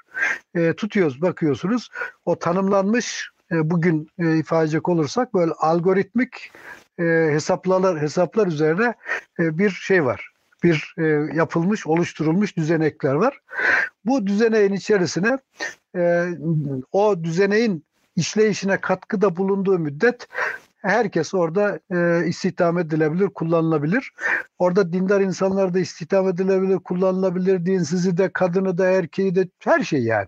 E, işte Müslümanı da yani e, Hristiyanı da Ermenisi de ve Osmanlı Devleti söz konusu olduğunda Osmanlı Devleti'nin e, parçalanma sürecine bakarsanız o dağılma sürecinde bu manada formelleşmiş yapıların inanılmaz bir etkisi olduğunu görürsünüz. Ve orada tutup mesela işte bir eskiden diyelim o millet sisteminin etkin olduğu şartlarda Osmanlı Devleti'nde ne vardı? İşte millet sisteminde milletin e, başında olanı temsil eden şahısla e, gerekli irtibat kurulduğunda e, geri kalan insanlar da o başta bulunana göre hizaya geliyordu ve bir e, toplumsal uyum ve toplumsal huzur barış sağlanabiliyordu. Ama şeyle birlikte o formelleşmeyle birlikte artık o şahıslar değil de o şahısların da e, irtibat halinde olduğu e, formelle, formelleşmiş yapılar üzerinden etkin olmaya başlayınca o zaman devlet e, şeylerle ilgili e, diğer e, Müslümanların dışındaki diğer milletlerle olan o e, irtibatını kopardı. Aksine işte Batılılar o formelleşme üzerinden onlar üzerinde daha fazla etkili olmaya başladılar. Şimdi bunu biz e, şeye geldiğimizde yani devletin e, karşı karşıya kaldığı Osmanlı Devleti'nin sorun tabii kendi varlığıyla alakalıydı. Bu varlığını devam ettirme, ettirebilmesi için formelleşmesi gerekiyordu. Formelleşmesi de bu sefer o e, kendisini taşıyan ve kuran gelenekle irtibatını e, en azından e, askıya almasını gerektiriyordu. Şimdi varlığını evet. sürdürmeyle geleneği e, gelenekle irtibatı koparmak ve başka bir husus tabii çok çok daha önemli. Türkiye'deki o formelleşme e, tahakkuk edince o formalleşmeye bağlı olarak da ne oldu? Türkiye daha sonra Avrupa konseri diyorlardı o vakitler. Avrupa konserine alındı Osmanlı Devleti. Yani Türkiye'de formalleşmiş bir devlet yapısı oluştu. Ona bağlı olarak Avrupa'daki formalleşmiş yapılarla irtibat kurabilecek e, bir düzen, düzenek teşekkül etmişti oldu ve böylelikle irtibat oldu. Aksi takdirde Türkiye'de diyelim e, şeydeki e, Almanya'daki, Avusturya'daki, Fransa'daki, İngiltere'deki formel yapıyla irtibat kurabilecek e, bir yapı olmadığı için e, şeydi uyumsuzluk söz konusuydu. Ama buradaki uyumsuzluk artık Avrupa'daki o formalleşmiş yapıya benzer yapıların oluşturulmasıyla birlikte Avrupa lehine aşıldı. Ama bu e, Türkiye'deki esas o bütün gelenek aleyhine gerçekleşti. Bu e, durum Cumhuriyet'le birlikte e, daha da bir şey yaptı, radikalleşti. Peki, Zecri bunun, bir hale geldi. Evet, bunun e, düşünce e, geleneğine nispetle neticelerine baktığımızda e, Türkiye'de aslında e, yani aynı durum e, bu problem hayati bir problem. İslam batı dışı toplumların tümünde gözlemlediğimiz bir mesele. Çünkü şöyle bir algıdan doğuyor. Bu e, konuşmanın başında işaret ettiğiniz Maşa Hatsa'nın İslam'ın Serüveni kitabının e, işte son kısmında bu teknikleşme bahsini ele aldığı kısımda Avrupa'da 17. yüzyıl sonrasında başlayıp 20. yüzyıla kadar gelen dönüşümün aslında insanlık tarihi açısından önemli bir dönüşüm olduğunu ve e, o dünya tarihi açısından okur tarım toplumuna geçmek gibi bir şey olduğunu söyler şeyden toplayıcılıktan. Ve batı dışı toplumların bu dünya tarihsel dönüşümü derinden fark ettiklerini ve tarih dışında kalmamak için yani bedensel mevcudiyetlerini tarih içinde muhafaza etmek için bir şekilde bu dönüşüme sizin formellikle merkezine formelliği yerleştirdiğiniz bu dönüşüme entegre olmak mecburiyetinde hissettiklerini söyler. Bu Osmanlı e, efendim dünyası açısından bunu açık bir şekilde tasvir ettiniz. Cumhuriyet döneminde de e, bu dönüşümün her türden ikiliği yani geleneğe nispetle artık anlam kazanacak herhangi bir vurguyu da ortadan kaldıracak şekilde mutlaklaştığını ifade ettiniz. Bu şu manaya geliyor. Esasında arayışlar dönemi dediğimiz şey tam da bu dönüşümden kaynaklanan meydan okumalara karşı bir tür tutum alış arayışı. Yani nasıl bir tutum alalım? Ee, şeklindeki bir soru ve herkesi eşit seviyede ilgilendiriyor entelektüel zeminde ve bu minvalde geleneksel kalıplar var arayışlar dönemi Türk düşüncesinin tasnif hususunda. İşte batıcılar dediğimiz bir zümreden bahsediliyor. E, efendim belki muhafazakarlar dediğimiz bir zümreden bahsedebiliriz. Islah e, efendime söyleyeyim taraftarlarından bahsedebiliriz ve bu formel yapıya teslim olup o yapı içerisinde insanlık birikimine eşit seviyede katkı yapabilme umudu kendisini batıcı formasyon halinde gösteriyor. Bu formel yapıya e, tüm unsurlarıyla yani o insanlık tarihi içerisindeki rolünü de hesaba katmayacak bir biçimde tüm unsurlarıyla mukabele etme ve direnme tutumu muhafazakarlık olarak kendisini gösteriyor. Bu formel yapıyla bir şekilde irtibata geçmemiz lazım. Sorusu bu, bu iyi niyetli soru aslında belki Abduh'tan Mustafa Sabri Efendi'ye kadar uzanan bir spektrum dahilinde ıslah arayışlarını gündeme getiriyor. Siz e, bu üç farklı tutumu ben belki önden tanımlamış oldum ama e, ama baktığınızda arayışlar dönemi Türk düşüncesinin serencamını nasıl görüyorsunuz? Yani bu tutumlara nispetle e, bu ıslah arayışı nerelerde e, tıkandı, neyi ortaya çıkardı, gündemi neydi? İslami düşünce geleneğinin ana başlıklarına, gündemlerine nispetle nasıl bir düşünce ortaya koydu? E, bunları biraz batı batıcılığın Baskın hale tabii batıcı eğilimler e, baskın bir rol üstlendi İslam dünyasında hem politik seviyede hem entelektüel seviyede. Bu manzaraya baktığınızda şöyle hızlı bir şekilde e, 19. 20. yüzyılda e, efendim arayışlar dönemi Türk düşüncesinin gündemini, ilgilerini, e, efendim e, ürettiği birikimin e, ne diyelim sorun çözücü kapasitesini, e, nasıl değerlendiriyorsunuz zaaflarını, imkanlarını? Evet şimdi e, tabii bir bütün olarak e, baktığımızda e, bizim şu anda e, şöyle bir e, imkanımız var. e, bu imkan bize e, ne diyelim daha e, soğukkanlı bir şekilde konuları müzakere etme imkanı da sağlıyor. Biz bugün Türkiye'de yani 2020 miladi 2021 yılında e, Türkiye'de e, Türkiye'de İslami düşünce geleneğini konuşuyoruz.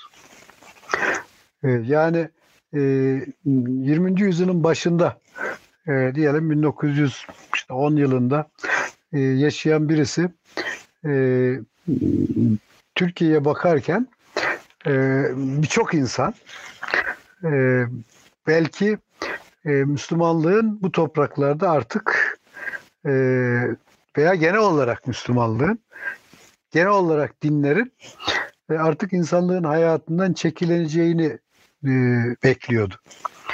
E, şimdi bugün e, baktığımızda e, yani işte Türkiye'de e, e, şeyin bu toplumun e, Müslümanlıkla e, olan irtibatını artık kimse tartışamaz. Yani hiç kimse yani e, bu çok farklı bir şey. Öyle bir e, durum e, söz konusu. Ama buradaki e, tartışma artık ne değil de nasıl sorusu e, ile bugün karşımıza çıkıyor.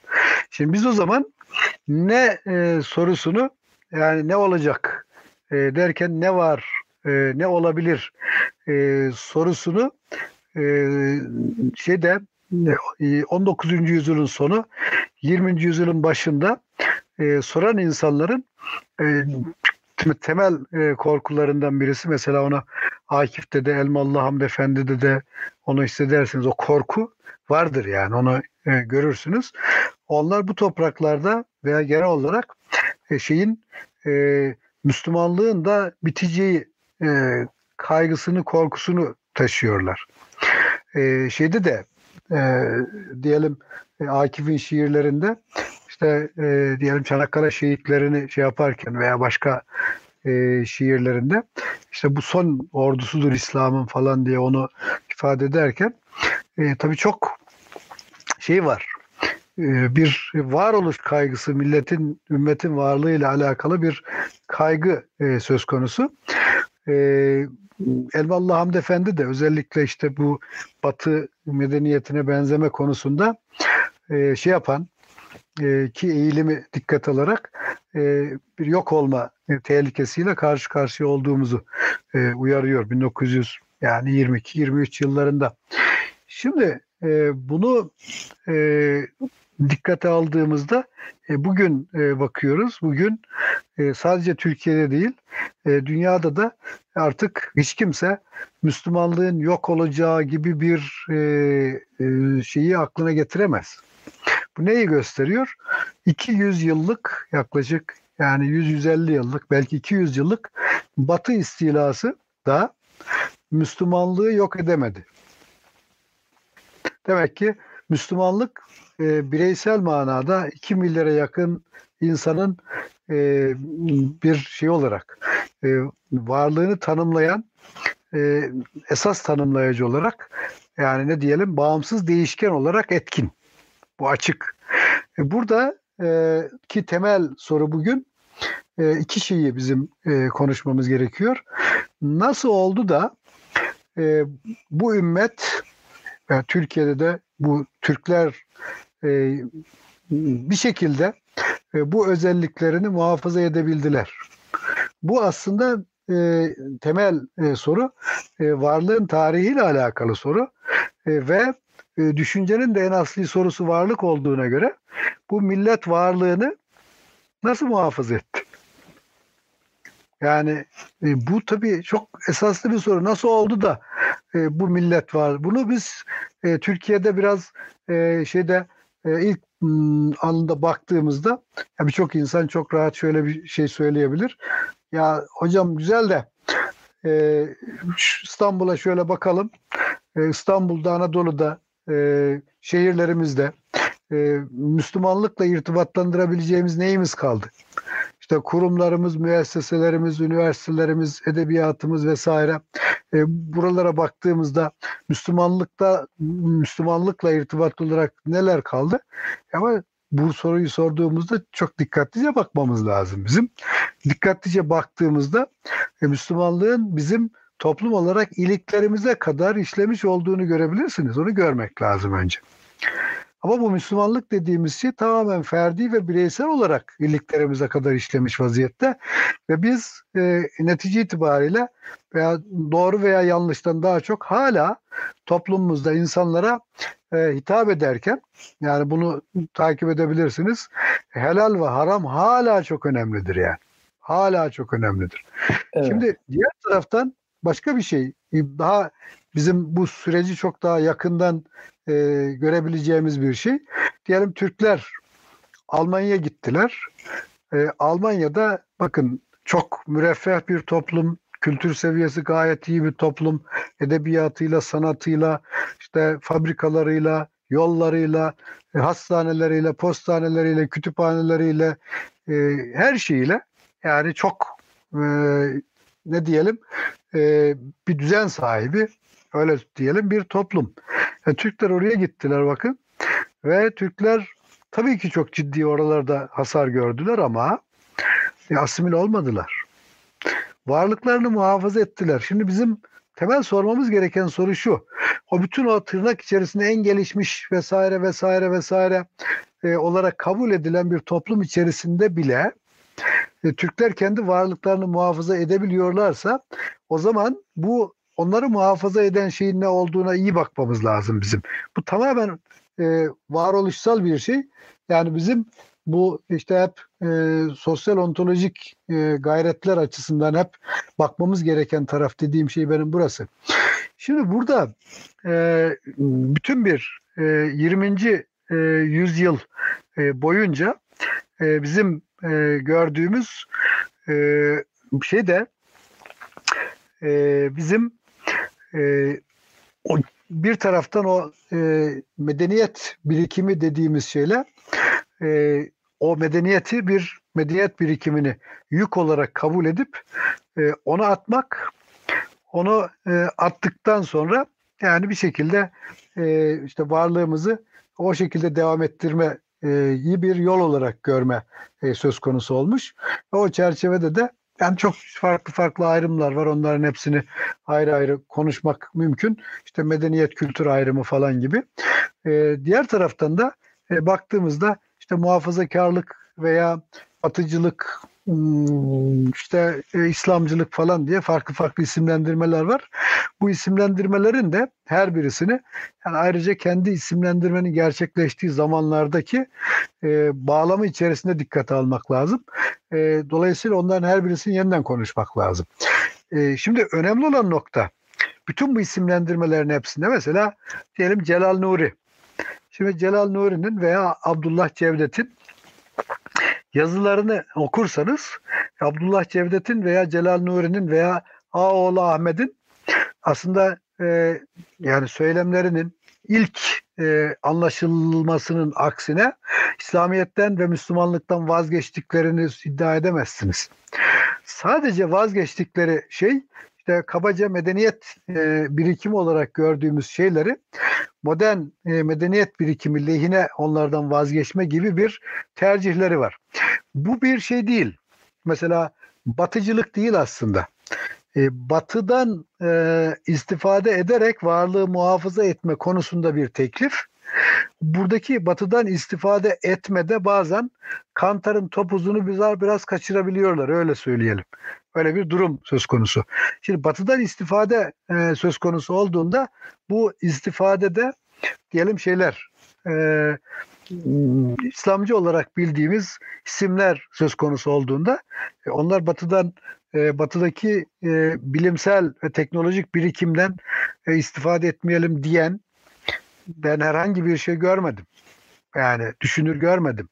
E, diğer taraftan da e, işte ne derseniz kim olursa olsun fark etmiyor.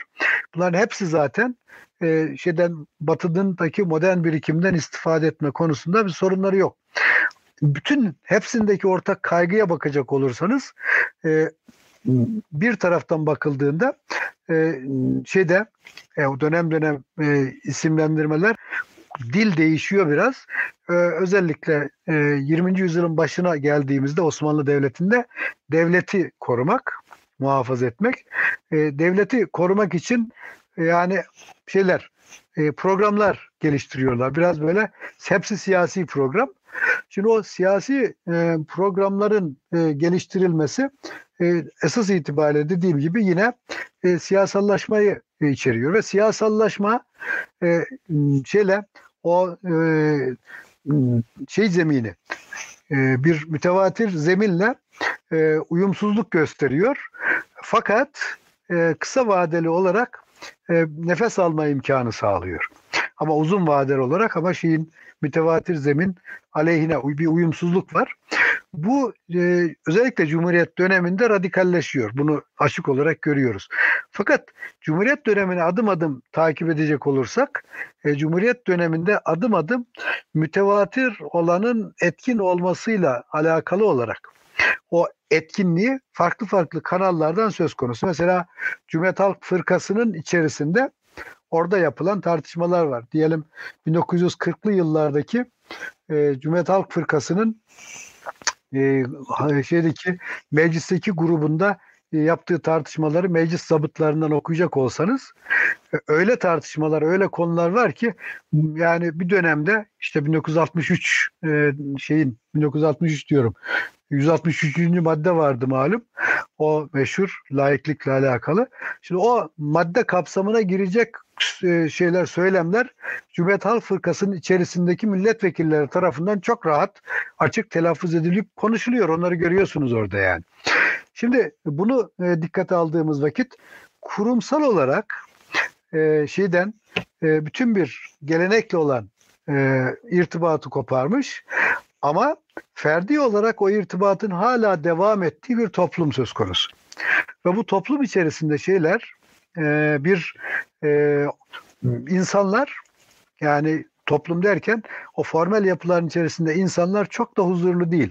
Bunu mesela e, şeyi çok yakından e, takip edebilirsiniz. Diyelim e, tek parti döneminin çok önemli isimlerinden birisi e, işte e, merhum Hasan Ali Yücel.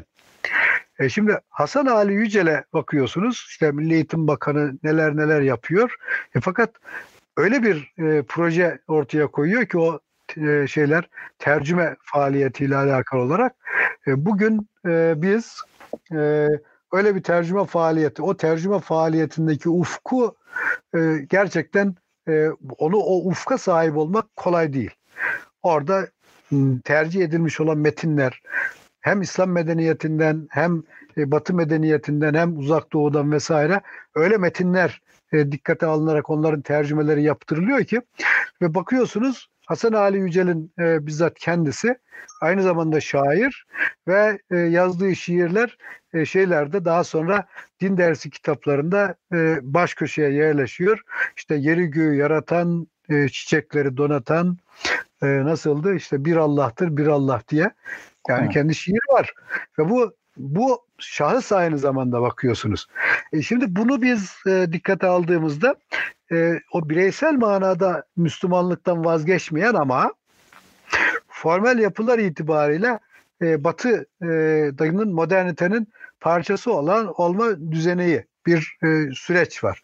Bu tabii e, düşünceyi e, şey açısından baktığımızda bir kararsızlığa sevk ediyor. Ne yapacaksınız siz? Ee, üniversitede hocasınız. Ee, üniversitede felsefe hocasısınız. Ve size e, işte Frankfurt Üniversitesi'nin veya neyse Viyana Üniversitesi'nin, Berlin Üniversitesi'nin e, programına benzer bir program verilmiş. Ve siz o programı e, öğrencilerinize öğreteceksiniz. Böyle yapılmış. İşte kimyagersiniz, işte mimarsınız, mühendissiniz, tabipsiniz. Bakın bunların hepsinde e, batıdaki şeyler o oradaki kurumların e, müfredatına uygun müfredat hep e, dikkate alınmış ve uygulanmış. Ama başka bir taraftan bakıldığında e, 30'lu yıllarda mesela e, ilginç teşebbüsler var. Ne gibi teşebbüs? Mesela Türk tarih tezi diye bir tez ortaya atılmış. Aslında tarih yazarlığının bir kurgu meselesi olduğunu, onu dikkate alarak da orada tutup işte güneş dil teorisi, Türk tarih tezi falan onlarla alakalı söylemler. Bir taraftan bakıldığında gayet modern bir tavır ama yeterince yaygınlaşmadığı için yani o batıdaki yaygın söylemlerle çok da uyuşmadığı için özünde modern olmakla birlikte yani neticede başka batı dünyasındakiyle yan yana getirildiğinde e, yeterince e, savunanı ve onu e, savunacak insanlardaki şeyler yeterince derinlikli olmadığı için e, biraz böyle gülünç bir görüntü sergiliyor. Şimdi öyle ama özünde dediğim gibi çok modern bir teşebbüs. Şimdi bunu e, dikkate aldığımız vakit e, o zaman e, zaman içerisinde e, ortaya çıkan süreç o formel yapıların tam formelliklerini muhafaza edemediklerini görüyoruz. Ve bu çerçevede e, şeydeki faziletli insan dediğimiz insan faktörünün irade sahibi insan faktörünün e, formel yapılar içerisinde etkin olarak Batı'da işlediği şekilde işlemediğini görüyoruz. Dolayısıyla bu sadece Türkiye'de değil bütün dünyada e, kurumsallaşmaların batıdaki manasıyla kurumsallaşmanın kurumların yerleşmesi ve etkin olmasını engelliyor. Ve dolayısıyla hocam, tam, evet. bir şey bir şey daha söyleyeyim. E, onu, sonra bitirelim. Yani bunları iyi yakından iyi analiz etmek lazım. Onu analiz ettiğimizde biz bugün niçin e, bu kadar e, şey olduktan sonra e, Türkiye'de e, şeyin Türkiye'de İslami düşünce geleneğini konuşabiliyoruz. Yani bu çok çok şey önemli. E, buradaki mesele biraz e, şu.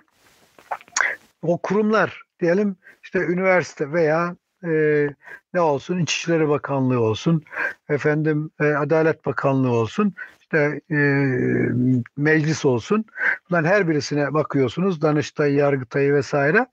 Bütün o e, devlet kurumlarına bakıyorsunuz. E, oradaki insanlar bir ayaklarıyla bir taraflarıyla mütevatir zeminle irtibat halindeler. Evet. Bir taraflarıyla e, o mütevatir zeminle irtibatı e, olması ona bir iradesi olduğunu, ve verdiği kararlar e, söz yaptığı işler söz konusu olduğunda e, orada Allah'a karşı da bir sorumluluğu olduğunu hissettiriyor bir taraftan. Ama diğer taraftan da o formel yapının kendisinden beklediği fonksiyonu icra etmesi lazım. Bunun en trajik örneğini şey anlatır aslında Mustafa Necat Sepetçioğlu bir e, polis memurunun e, ne zaman 1940'lı yıllar zannediyorum orada e, yanılmıyorsam yine Tokat'ta olması lazım. Yani şehir farklı olabilir ama Tokat diye aklımda kalmış. E, orada yaşadığını bizzat kendisi anlatıyor. Bir polis memuru e, maaşını alıyor. E, annesine e, para veriyor. Anacığım sen git e, çarşaf alacaktın. Sen kıyafet alacaktın. Git al e, diyor. Parasını veriyor. Annesi de gidiyor neyse kumaş alıyor, çarşaf e, yapıyor. Neyse birkaç gün geçtiğinde e, şeyde e, kadın çarşıya sokağa çıkıyor. Sokağa çıktığında o kıyafetiyle çarşafıyla birlikte bir tane polis geliyor. Başından çarşafı alıyor parçalıyor. Ve dönüyor şey o kadın e, bakıyor e, oğlum diyor üç gün önce e, maaşını getirip verdin senin verdiğin maaşınla aldığım çarşafı niye parçalıyorsun diyor. Bu trajediyi, bu trajik durumu bakın temsil gücü çok yüksek bir hadisedir bu. Bunu bizim bunun manasını kavramamız lazım. Yani o e, polisin e, ne durumda olduğunu, ne yaptığını, niye yaptığını e, bunu bizim kavramamız lazım. Bu aslında e, Türkiye'de e, yani Türklerin e, ne yaşadığı sorusunun e, cevabını biz burada buluruz. Ve bu çerçevede baktığımızda nedir? O formel yapılar e, tam da planlandığı şekilde belki etkin olmadı. Ama ne oldu? O insan orada bulunan insanlar kendi e, özel e, kabiliyetlerini kullanarak şöyle düşünün. Ankara'da bir kanun çıkarıyorsunuz. E, bu e, şeye e, Sivas'a geldiğinde il merkezine biraz yumuşuyor. İlçeye geldiğinde daha fazla yumuşuyor. Köye geldiğinde neredeyse hiçbir etkisi olmuyor. Böyle bir durum söz konusu.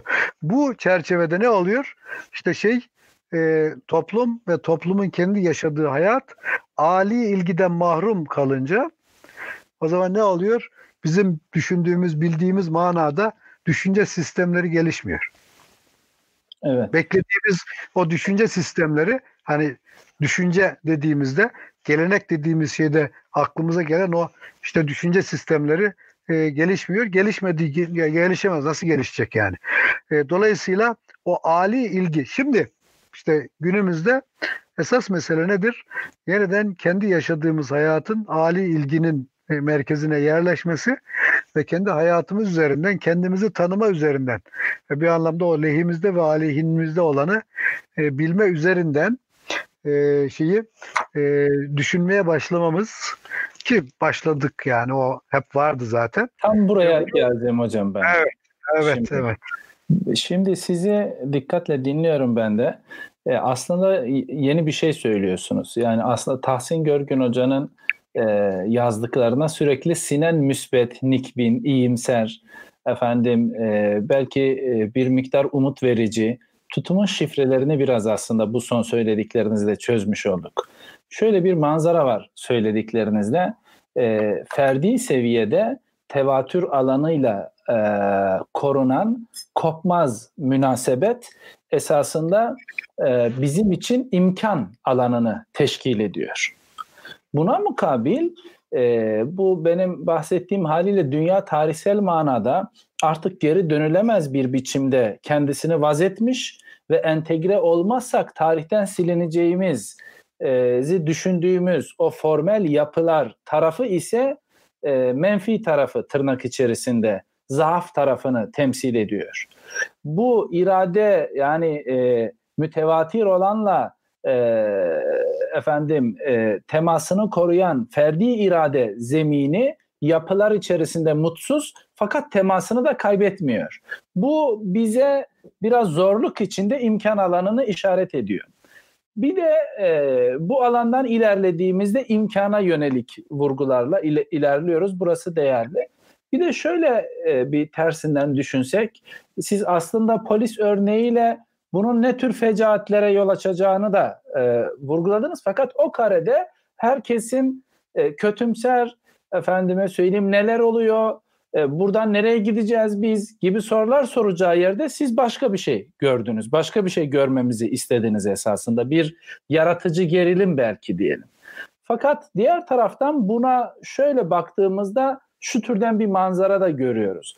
Bireysel ferdi temas fakat hem bireyin sosyal yaşantısında, siyasi yaşantısında, efendim üniversitede bilgi üretimi esnasında yani bir profesör için, bir Milli Eğitim Bakanı için, bir e, efendim sosyolog için, bir tüccar için vesaire bu ikili imkan ve zaaf alanı şöyle bir dünya yaratıyor bir yandan da. Bu siz e, buna da yer yer işaret işaret ediyorsunuz. Bir bilinç parçalanması yaratıyor. Bir e, kültürel kriz yaratıyor. Bir daha derinden bir şizofreni meydana getiriyor esasında. Yani bir taraftan ferdi tercihlerimiz ve irademiz söz konusu olduğunda gelenekle o te- mütevatür alanıyla gevşek ya da sıkı bir temas içindeyiz.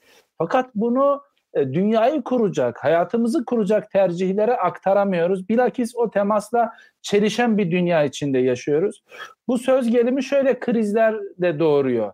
İşte bizim ürettiğimiz bilgi teknisyence bir bilgi oluyor mesela.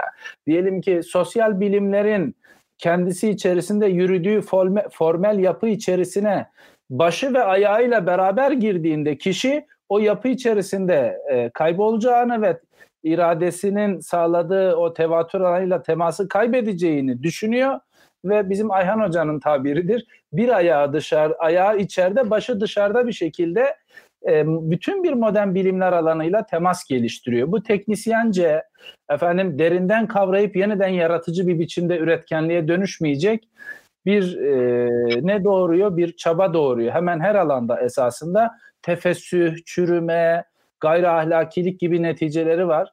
mesela Vahid bin Hallak'ın e, yakın zamanda imkansız devlet kitabında bunu İslam dünyasındaki ahlaki krizlerin e, zemininde bulunan şey olarak yorumladı Hallak bunu. Yani iradi teması hem muhafaza edip hem de yapı içerisinde Müslüman kalmak. Bu formel yapı içerisinde Müslüman kalmayının mümkün olacağı esasında düşüncesinin ahlaken tefessüh etmiş, çürümüş bir toplum anlayışına sebep olacağını söyledi. Ben şimdi biraz daha karanlık tarafından baktım.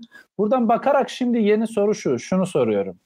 Ee, bu manzara dahilinde bu karanlık tarafları hani sizin de e, dile getirdiğinizi, yazdığınızı, düşündüğünüzü biliyorum fakat başka bir noktayı işaret etmek istediğinizi de benim de vurgulamam lazım. Efendim hasbihal ettiğimiz e, bu programı izleyen dostlar açısından da.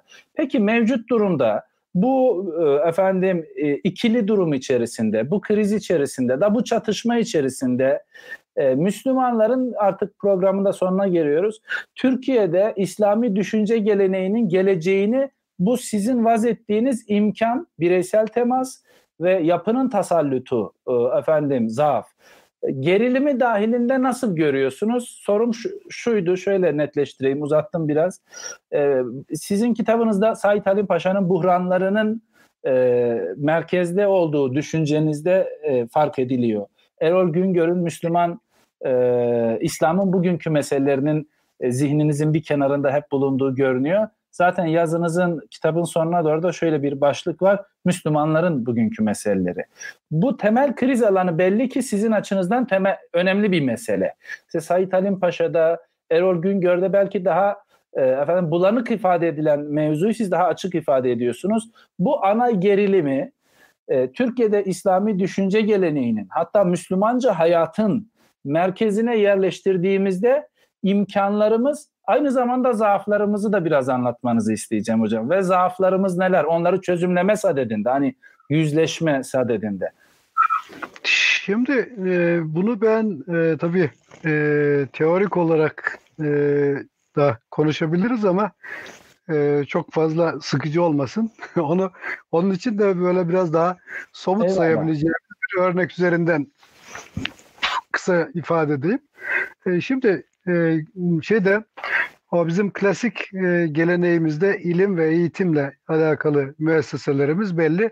Tekkeler ve şeyler, medreseler. E, diğer taraftan e, mesleki eğitimle alakalı olarak şeyler tabii ki. E, özellikle e, nedir? E, o şeylerin e, e, fütüvvet kültürünün e, öğretildiği meslek e, zanaat şeyleri e, kurumları diyelim. İlatı gibi mesele. Evet. Şimdi e, bunlar e, söz konusu olduğunda e, diyelim medrese söz konusu olduğunda e, medreseler yaygın eğitim kurumu falan değil. E, seçkin eğitim kurumları. E, çok tabii ki e, medreseler var. E, fakat medreselerde e, okuyan insanların oranı e, şeye baktığımızda e, bugün e, baktığımızda bugünkü e, oranlarla mukayese edilmez. Diyelim nedir? Yüzde beştir en fazla. Hadi on olsun neyse. O kadar. E, şimdi şey söz konusu olduğunda yüzde yani çok oranı düşük onu demek istiyorum. Ama günümüzde e, baktığımızda e, eğitimin e, tamamen kitlesel e, olması lazım. Herkesin e, okuması yani okula gitmesi gerekiyor. Böyle bir durum. Burada e, eğer biz diyelim şeyde medreseyi mevcut haliyle ki medrese kendi başına bir gelenektir aynı zamanda. E, onu e, diyelim bugün e, medreseyle nasıl irtibat kuracağız? E, diyelim Süleymaniye medreseleri, Fatih medreseleri. Yani Süleymaniye medreselerini biz işte 17. yüzyıldaki olduğu haliyle bütün müfredatı ve hocalarıyla getirsek ve ihya etsek burada gerçekten yapsak hadi mümkün değil ama farzı muhal o medrese bugün bizim hiçbir işimizi görmez, hiçbir sorunumuzu halletmez. Açık yani. Şimdi e, peki bu medresenin e, bugün bize e, bizim için bir manasının olmadığı anlamına mı gelir? Hayır. E, peki medrese ile biz bugün nerede nasıl irtibat kurabiliriz? E, şimdi e, e, bunu tam net olarak ifade etmeden önce bir hususu e, söylemem lazım. Bizim o normal ferdi gündelik hayatımızdaki yani bireysel olarak irtibat halinde olduğumuz mütevatir zemin zaten Peygamber Efendimiz'den geliyor. Mütevatir zeminin e, en önemli esası da sahabe icmaıdır yani. Çok net. Sahabenin icma ettiği hususlar bugün her birimizin Müslümanlığını tanımlar hala. Hiç değişmemiştir bu. Her yerde böyledir bu. Şimdi e, bu tabii çok önemli sahabe icma. Sahabeden günümüze kadar kesintisiz olarak gelmiş olan bir şey. Ve ama bu fertlerde varlığını sürdürüyor. E, ama e, şeyler e, kurumlar söz konusu olduğunda kurumlar da e, devlet içerisindeki bir fonksiyona e, binaen oluşturulmuş. Devlette uluslararası bir düzenin e, unsur olarak var. Evet. Dolayısıyla e, o uluslararası düzenin e, taleplerine uygun şekilde kuruyor kendi düzenini. Şimdi buradaki temel e, soru şu. Eğer biz e, o mütevatir zeminin zeminle e, kurumlar arasındaki e, irtibatı kurumların e, formelliğini şey yapmadan e, yok etmeden e, kurabilirsek ve o formelliği mütevatir olanla irtibatı içerisinde kurabilirsek e, o zaman e, kurumlarla şeyler arasındaki formel yapılarla e, o bireysel e, manadaki mütevatir olan arasındaki e, gerilim e, bir birbirini takviye eden bir güce e, dönüşecek her halükarda. Peki burada tam bu formel yapılarla e, mevcut haliyle bu türden yaratıcı bir e, ilişkinin kurulup kurulamayacağı bizim bugünkü düşüncemizin temel meseleleri arasında yer, arasına yerleşebilir mi hocam? İşte en esaslı mesele bence bu. Bunu ben anlatırken e, şunu e, söyleyerek çok kısaca özetlerim.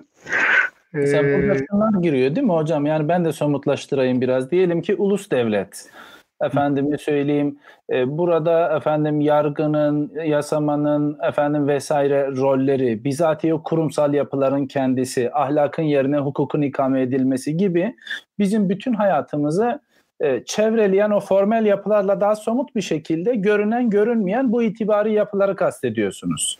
Tabii ki, tabii ki. Ama işte burada mesela e, temel soru şu. E, Batı'da oluştuğu haliyle bu formel yapılar nedir? Bilgiyi yani iyiyi, doğruyu, güzeli birbirinden ayırma üzerine kurulu. Hı hı. Ama biz e, iyiyi, doğruyu ve güzeli telif edecek şekilde e, bunları e, yapabiliriz, organize edebiliriz. Bu bizim e, yani bütün bir medeniyet birikimimiz aslında bize bu imkanı verir. Ben o formülü... Bu aynı zamanda bir yapı bozumuna uğratmak manasına geliyor. Aynı zamanda. Şimdi bu evet şöyle hızlıca söylediniz ama iyiyi, güzeli ve doğruyu birbirinden ayırmak üzere inşa edilmiş bu formel yapıları kökünden ele alarak iyiyi, doğruyu ve güzeli bir arada düşünmemizi mümkün kılacak. Aynen. Aynen. Yani aynen. ahlakı, epistemolojiyi, estetiği e, hep beraber ele alacak bir yapı içinde formüle etmek demek bizzat bu yapılarla alakalı e, efendim bir muhalefet dili, bir eleştiri dili fakat aynı zamanda kurmaya, yapmaya, inşaya dönük bir eleştiri dili ortaya koymak manasında. Onu, onu, onu tabir caizse e, ne diyelim e, daha üst bir e, varoluş şekli içerisine entegre etmek. Evet, şimdi bu bu arayışlar dönemi Türk düşüncesi ve bunu, İslam bunu, düşüncesi. Bak, evet, bunu hemen bu formül olarak söylediğim şeyi söyleyeyim de akıllarda bu taraf kalır. Şimdiye kadar bakın şeye kadar 19. yüzyıla kadar Müslümanların bildiği iki tane irade vardı. Ne vardı? Bir külli irade, bir de cüzi irade. irade. Evet. Ve bunların telifi en önemli meseleydi. Yani bu çok önemli. Araya bu arada ne üçüncü bir irade girdi, milli irade. Evet. Ve bu milli irade esas itibariyle modern dünyada üst en üst irade olarak kabul edildi ve ilahi iradeyi reddettiler. National, ulusal irade. Evet. Tabii. Milli tabii. irade çünkü bizde yine müspet manalara. Aa, e, tabii ki. taraftan, Ha, evet. Şimdi milli irade yani şeydir. Yani Batı dünyasında volonte general işte şeyin söylediği, evet. e, Rousseau'nun söylediği. Şimdi o e, e, şeydir. Üst irade olarak onun üstünde başka iradeyi kabul etmediler. E, ve bu bizde bu haliyle bize geldi. Fakat bize geldiği haliyle e, şey o milli irade olarak milli iradeyi temsil eden kurumlar ilginç bir şekilde o mütevatir zeminle uyuşmaz oldukları için Hı hı. aslında hakiki manasıyla milli iradeyle e, şeydi e, zıtlaşıyordu. Çok güzel. Evet. Zıtlaştı yani. Şimdi e, ama şöyle bir durum ortaya çıktı. Biz bu e, modern kurumlar dediğimiz kurumlar olmadan varlığımızı sürdüremeyiz. Bunu üniversite üzerinden onu zaten e, e, kısaca e, üniversite örneği üzerinden ne yapılabilir? E, onunla söylerken bunu biraz daha netleştirmiş olacağım. Şimdi mesela şey de nedir o zaman? Bir külli irade, biz şimdi külli iradenin olduğuna bireysel olarak her bir Müslüman inanıyor. O noktada hiçbir şüphe yok. Ve külli iradenin kitap ve sünnette bize sunulduğu konusunda bir şüphemiz de yok. Onu da biliyoruz. Ama o külli iradeyle milli irade e, de dikkate alarak cüz'i iradeyi nasıl telif edeceğimizi bilmiyoruz. Şimdi eğer biz külli irade yani milli iradeyi reddetmeden, ona karşı çıkmadan külli iradeyi e, milli iradeyi ve cüz'i iradeyi telif edecek bir düşünme tarzı, üst düşünme tarzı ortaya koyabilirsek şayet o zaman ne olur? Modern dünyada ortaya çıkmış olan o teknikleşmenin, formelleşmenin sağladığı bütün imkanları e, imkanlara sahip olarak ama bunu mütevatir olan zeminle uyum içerisinde ve dolayısıyla külli iradeyle de e, uyum içerisinde yeniden tanımlama e, e, ve yeniden inşa etme, kurma. Tabir caizse dünya yeniden kurma veya yeni bir dünya kurma e, imkanı burada ortaya çıkacak. Ve bu yeni dünya yeniden kurma veya yeni bir e, dünya kurma esas itibariyle şu anda sahip olduğumuz hiçbir şeyden vazgeçmeden tahakkuk edecek. Eyvallah. Fertlerin e, fertlerin tek tek iradelerini külli irade ile münasebet dahilinde e, cemai bir irade öyle diyelim hocam. Top, yani toplumsal bir iradeye, milli bir iradeye dönüştürmeleri e, bu bahsettiğimiz Onun- yapıların tasallutundan evet hocam. Onu yani kurumsallaştırdığınızda, formelleştirdiğinizde yani bunun aslında imkanını ilk görenlerden birisi şeydir aslında. Rahmetli Nurettin Topçu. Evet. Evet. Nurettin Topçu'nun iradenin davası tam da bunu anlatmaya çalışır. Eyvallah. Şöyle toparlayalım hocam o zaman. Hemen Bir- Bir şey Evet. daha söyleyeyim, bir örneğimi vereyim. Sonra sen artık son sözü söylersin. Herhalde son sözü Estağfurullah hocam. söyleyeceksin. Son söz sizin hocam. Şimdi estağfurullah. Şimdi e, şey de diyelim şu anda mevcut eğitim sistemi. Yani eğer siz e, bir devlet olarak varlığınızı sürdürmek istiyorsanız her bir vatandaşınızı eğitmeniz lazım. Buradan bir kaçış yok yani. Yani o Osmanlı döneminde olduğu gibi sadece isteyenin okuduğu ve e, hocaların e, iste yani uygun gördüğü talebeleri kabul ettiği manada bir lükse sahip değilsiniz. Yani klasik medresenin öyle Evet. bir özelliği vardı malum. Öyle e, her talebeyi her hoca kabul etmez. Her e, hocayı da her talebe kabul etmek zorunda değildi. Hoca ve talebe eğer birbirine uygunsa, uzlaştırırlarsa şayet anlaşırlarsa hocalık talebelik ilişkisi devam ediyordu yani. Yoksa onları zorlayan herhangi bir şey yoktu. Şimdi bu ama günümüzde ama bu çok inanılmaz seçkinci bir tavır. Çok seçkinci bir tavır. Yani inanılmaz bir şey. Ve bunu zaten e, bütün topluma yayamazsınız. E, diğer taraftan da bütün toplumda ortalama kültürü oluşturacak ve toplumdaki kurumların işleyişinde o fonksiyonları icra edecek e, bilgi ve beceriye sahip insanların da olması lazım. Dolayısıyla hem yaygın eğitim kurumları mevcut haliyle hem de mevcut haliyle yaygın bir eğitim kurumu olarak üniversitelerin vazgeçilmez bir konumu var. Ha bunun müfredatını şu veya bu şekilde değiştirebilirsiniz ama kendisini yok edemezsiniz. Yani böyle bir şansınız, imkan yok yani. Peki ne olacak o zaman? Şimdi Türkiye'deki eğitim sisteminin en önemli sorunu ne? Seçkinlerin yetiştiği kurumları yok. Dolayısıyla en azından bir dönemde e, Türkiye'deki seçkinleri yetiştiren azınlık okulları vardı, yabancı okulları vardı. Oralarda e, Türkiye'deki devlet kurumlarını işletecek kadar e, işte yabancı dil öğrenen e, insanlar yetişiyordu ve onlar o işi yürütüyorlardı. Ama bugün artık öyle bir şey söz konusu değil. Durum tamamen farklılaştı. Ve şu anda e, bütün bir eğitim sistemine baktığımızda bütün bir eğitim sistemi eşit olmanı olmayanı eşitleme üzerine kurulu. Dolayısıyla temayüzü engelliyor. Ve havas dediğimiz seçkinlerin yetişmesini, hakiki seçkinlerin yetişmesinin önündeki en önemli engel mevcut üniversite sistemi. Evet. Şimdi bunu dikkate aldığımızda o zaman biz şunu yapabiliriz. Biz mesela Fransa'da şu anda Fransa'daki eğitim sistemi o yönden bize bir fikir verebilir. Fransa'da bir üniversite var, bir ekol var. Bir de ayrı teknik okullar vesaire var. Üniversitede farklı farklı şeyler böyle. Bunların fonksiyonları farklı. Mevcut üniversite e, dediğimiz şey normal memur yetiştirir yaygın olarak. Şey e, teknisyen okulları zaten teknisyen yetiştirir. Bir de ekoller vardır. Ekoller de seçkin yetiştirir. Evet. Yani öğrencilerin üniversite sınavına girdiklerinde diyelim yüzde biri en iyi yüzde bir o ekollere gider. Orada kurumları yönetecek olan, şirketleri yönetecek olan, araştırmaları, araştırma faaliyetlerini yürütecek olan insanlar, seçkinler o ekollerde yetişir. Yani çok özel eğitim kurumlarıdır. Onlar çok iyi yetiştirirler. İngilizlerin benzer kurumları var. Oralarda yani diyelim işte Oxford, Cambridge öyle okullardır, üniversitelerdir. Herkes gidip okuyamaz. Bakmayın yani siz uzaktan gözüktüğü gibi değil. Oralarda okuyabilmek için ön şart lazım. Yani onlar yerine getirdiğinizde orada okuyabilirsiniz. Şimdi paranız olduğunda tabii gidip Oxford'a falan girebilirsiniz de onlar çok sınırlıdır zaten.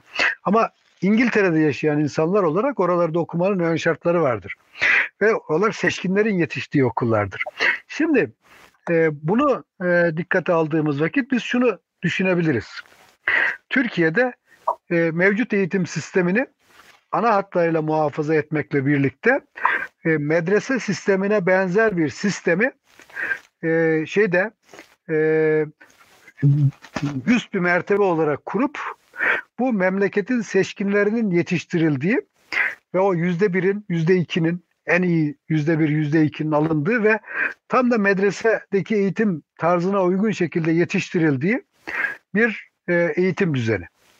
Şimdi onu yaptığımız vakit bu toplum tekrar yeniden kendi asli haliyle e, seçkinlerini e, kazanma imkanını elde edecek ve şey söz konusu olduğunda da o seçkin dediğimiz insanlara biz yani sadece mühendislik, sadece tıp vesaire değil. Diyelim onların en önemli özellikleri ne olacak mesela? Hem ahlaki hem manevi ama aynı evet, şekilde evet.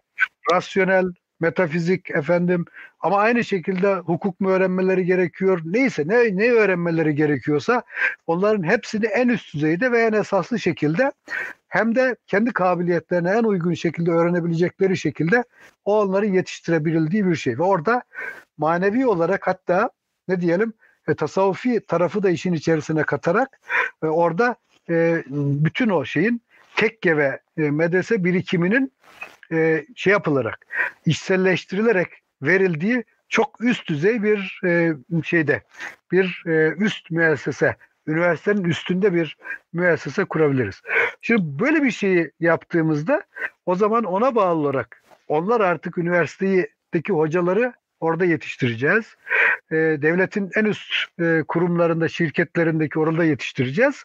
Ve geri kalan bütün insanlar da orada faziletli olarak yetiştirdiğimiz insanların merkezini oluşturduğu ve dolayısıyla e, o e, faziletli insanlardan e, şeyini varlığını ve manasını e, alan müesseselerin etkin olduğu bir toplumsal düzen ve kurumsal düzen düşünebilirsiniz yani.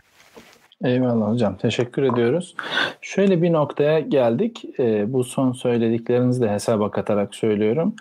e, esasında Araçlar dönemi Türk düşüncesi bir imkan ve bir zaaf alanının ortaya çıkardığı bir gerilim üzerinde varlık kazanıyor. Bir yandan bu zorunlu yapısal çerçeveler, diğer taraftan tevatürle e, münasebeti taşıyan o ferdi temas. E, yalnız e, bu gerilimin tabii farkına, bu gerilimi ilk defa burada ifade etmiyoruz. Bizzat arayışlar dönemi e, Türk düşüncesi bu gerilimin bir ifadesi zaten. Bu gerilimi aşma yönünde bir çaba. E, batıcılığı ve katı muhafazakar tutumu bir tarafa bırakıp bu gerilimi dert edip üstünde üstesinden yani gerilimin taraflarına ilga eden tutumları, rahatlatıcı tutumları ve fikri öldürücü aynı zamanda tutumları bir tarafa bırakıp bu gerilimi nasıl aşarız sorusuyla hemhal olan geleneği dikkate aldığımızda geldiğimiz nokta itibariyle şöyle bir zaaf alanına işaret ediyor gibiyiz. Bu ferdi temasın e, sağladığı e, şey ile yapıyı çok kolay bir şekilde naif bir yolla, iyimser bir yolla telif edilebi edebileceğine dair bir umut e, uzunca bir süre aslında ıslah çabalarını e, ne yaptı? E, yönlendirdi. Yani Müslümanların politik alanı e, kendi uhdelerine almaları suretiyle aslında İslam dünyasında bir şeyi rahatlıkla başarabileceği yönündeki iyimser bir nevi naif tutum e, aslında bu gerilimi gözden kaçıran ve yapılarla iradenin kaba e, yüzeysel seviyede bir barışmasına odaklanan bir hareketliliği doğurdu. E, fakat geldiğimiz nokta itibariyle e, bunun e, bu haliyle devam etmesinin daha derin krizlere belki zaaf olarak neden olabileceğini fark ediyoruz ve şunu e, vurgulamış oluyoruz bu konuşmanın neticesinde sizin cümlenizde bitireceğim. Esasen bu yapılar iyiyi, güzeli, doğruyu birbirinden tefrik etmek e, ve külli iradenin cüz'i iradeyle irtibatını ilga etmek suretiyle ortaya çıkmış yapılardır. Bu halleriyle e, o bizim imkan olarak gördüğümüz kaynakla telifleri kabil değildir. Dolayısıyla o imkan alanının bizzat bu yapıları telifin ötesinde evvela dönüştürmek, efendime söyleyeyim derinden kavramak ve yeni bir yolla tüm insanlık için ortaya koymak suretiyle vazetmelerinden vazetmeleri ehemmiyet taşıyor ve arayışlar dönemi Türk düşüncesinin e, önündeki imkanı da siz böyle vaz ediyor gibi görünüyorsunuz. Muhtemelen son olarak size sorsak yani Tahsin Görgün Hoca bu kitap ertesinde tıpkı Said Halim Paşa'nın buhranlarımızı gibi Erol Güngör'ün işte e, İslam'ın bugünkü meseleleri gibi bir kitap yazacak olsa ki yazıyordur. E, hangi meselesini, hangi meseleyi merkeze alır? Herhalde bu me- meseleyi merkeze alır bir imkan alanı olarak. Burayı derinleştirdiğimizde aslında Türkiye'deki İslami düşünce geleneğinin kendi mecrasına e, anlamlı, yaratıcı, tüm insanlık için anlamlı cümleler ortaya koyacak vaziyette erişebileceğini söyler diye düşünüyorum. E, efendim ben de sürçülisan ettiysem affola hocam. Ee, Estağfurullah. O kadar çok güzel özetledin. Yani ne sürçülisan. Estağfurullah hocam. Aksine, aksine iyi ki varsın yani. Estağfurullah hocam. Çok teşekkür ediyorum. E, iki saate yaklaştı sunumumuz. Ben e, efendim vaktin nasıl geçtiğini anlamadım işin doğrusu. Soru alacağız demiştik ama bilmiyorum e, ben moderatörüm ama bir de gizli moderatörler var hocam. Arkada. E, onlar ne derler bilmiyorum. E, efendim. Evet, şöyle bir yorumlar kısmına bakıyorum hocam. Soru vaziyetinde gündeme gelebilecek şeyler varsa iki tane soracağım. Yoksa programı kapatacağız. Ben de izleyicilerimize, hasbihalimize iştirak eden dostlara teşekkür ediyorum. Ee, efendim e, gecenin bu vaktinde e, bu hasbihale efendim dahil oldukları için çok güzel yorumlar var. Sohbetler kısmında da Abdülkadir Macit hocamı görüyorum e, efendim Eda Hanım'ı Süleyman Bey'i görüyorum. E, evet. Siz de bakabilirsiniz hocam yorumlar kısmına belki bakıyorsunuzdur. Evet yani o yorumlar kısmına bakıyorum. Peki ee, efendim. Yani Yorumlar hep... gerçekten de yorum hocam. Soru yok pek. ee, evet. Yorumlamış arkadaşlar. Konuştuklarımızı orada da çok güzel yorumlar var. Programa e, katkıda bulunan. Yani Onlara da yorumlar için teşekkür ederim. Evet. Neyse. Yani bu bunu artık Yalçın Koç özelinde diye bir arkadaşımız bir soru e, sormuş. Ee, ayrı bir bahis açmak tabii, lazım belki hocam. Yani Türkiye'de Yalçın felsefi düşünce geleneği üzerinde. Evet. evet. Yalçın Hoca'nın e, gerçekten de Anadolu mayasını bütün arkadaşlarımıza tavsiye ederim. E, çok kıymetli bir düşünce eseri. Yani e, onu o kadar söyleyeyim. E, ve e, e, o kadar. Yani çünkü konuşmaya başlarsak çok fazla konuşmamız lazım. Evet. Peki efendim. Hepinize teşekkür ediyoruz. Başta Tahsin Görgün hocama olmak üzere çok verimli bir sohbet oldu. E, arayışlar dönemi e, Türk düşüncesi üzerine konuşmalar e, bir sonraki e, başlık etrafında Lütfi Sunar Hoca'nın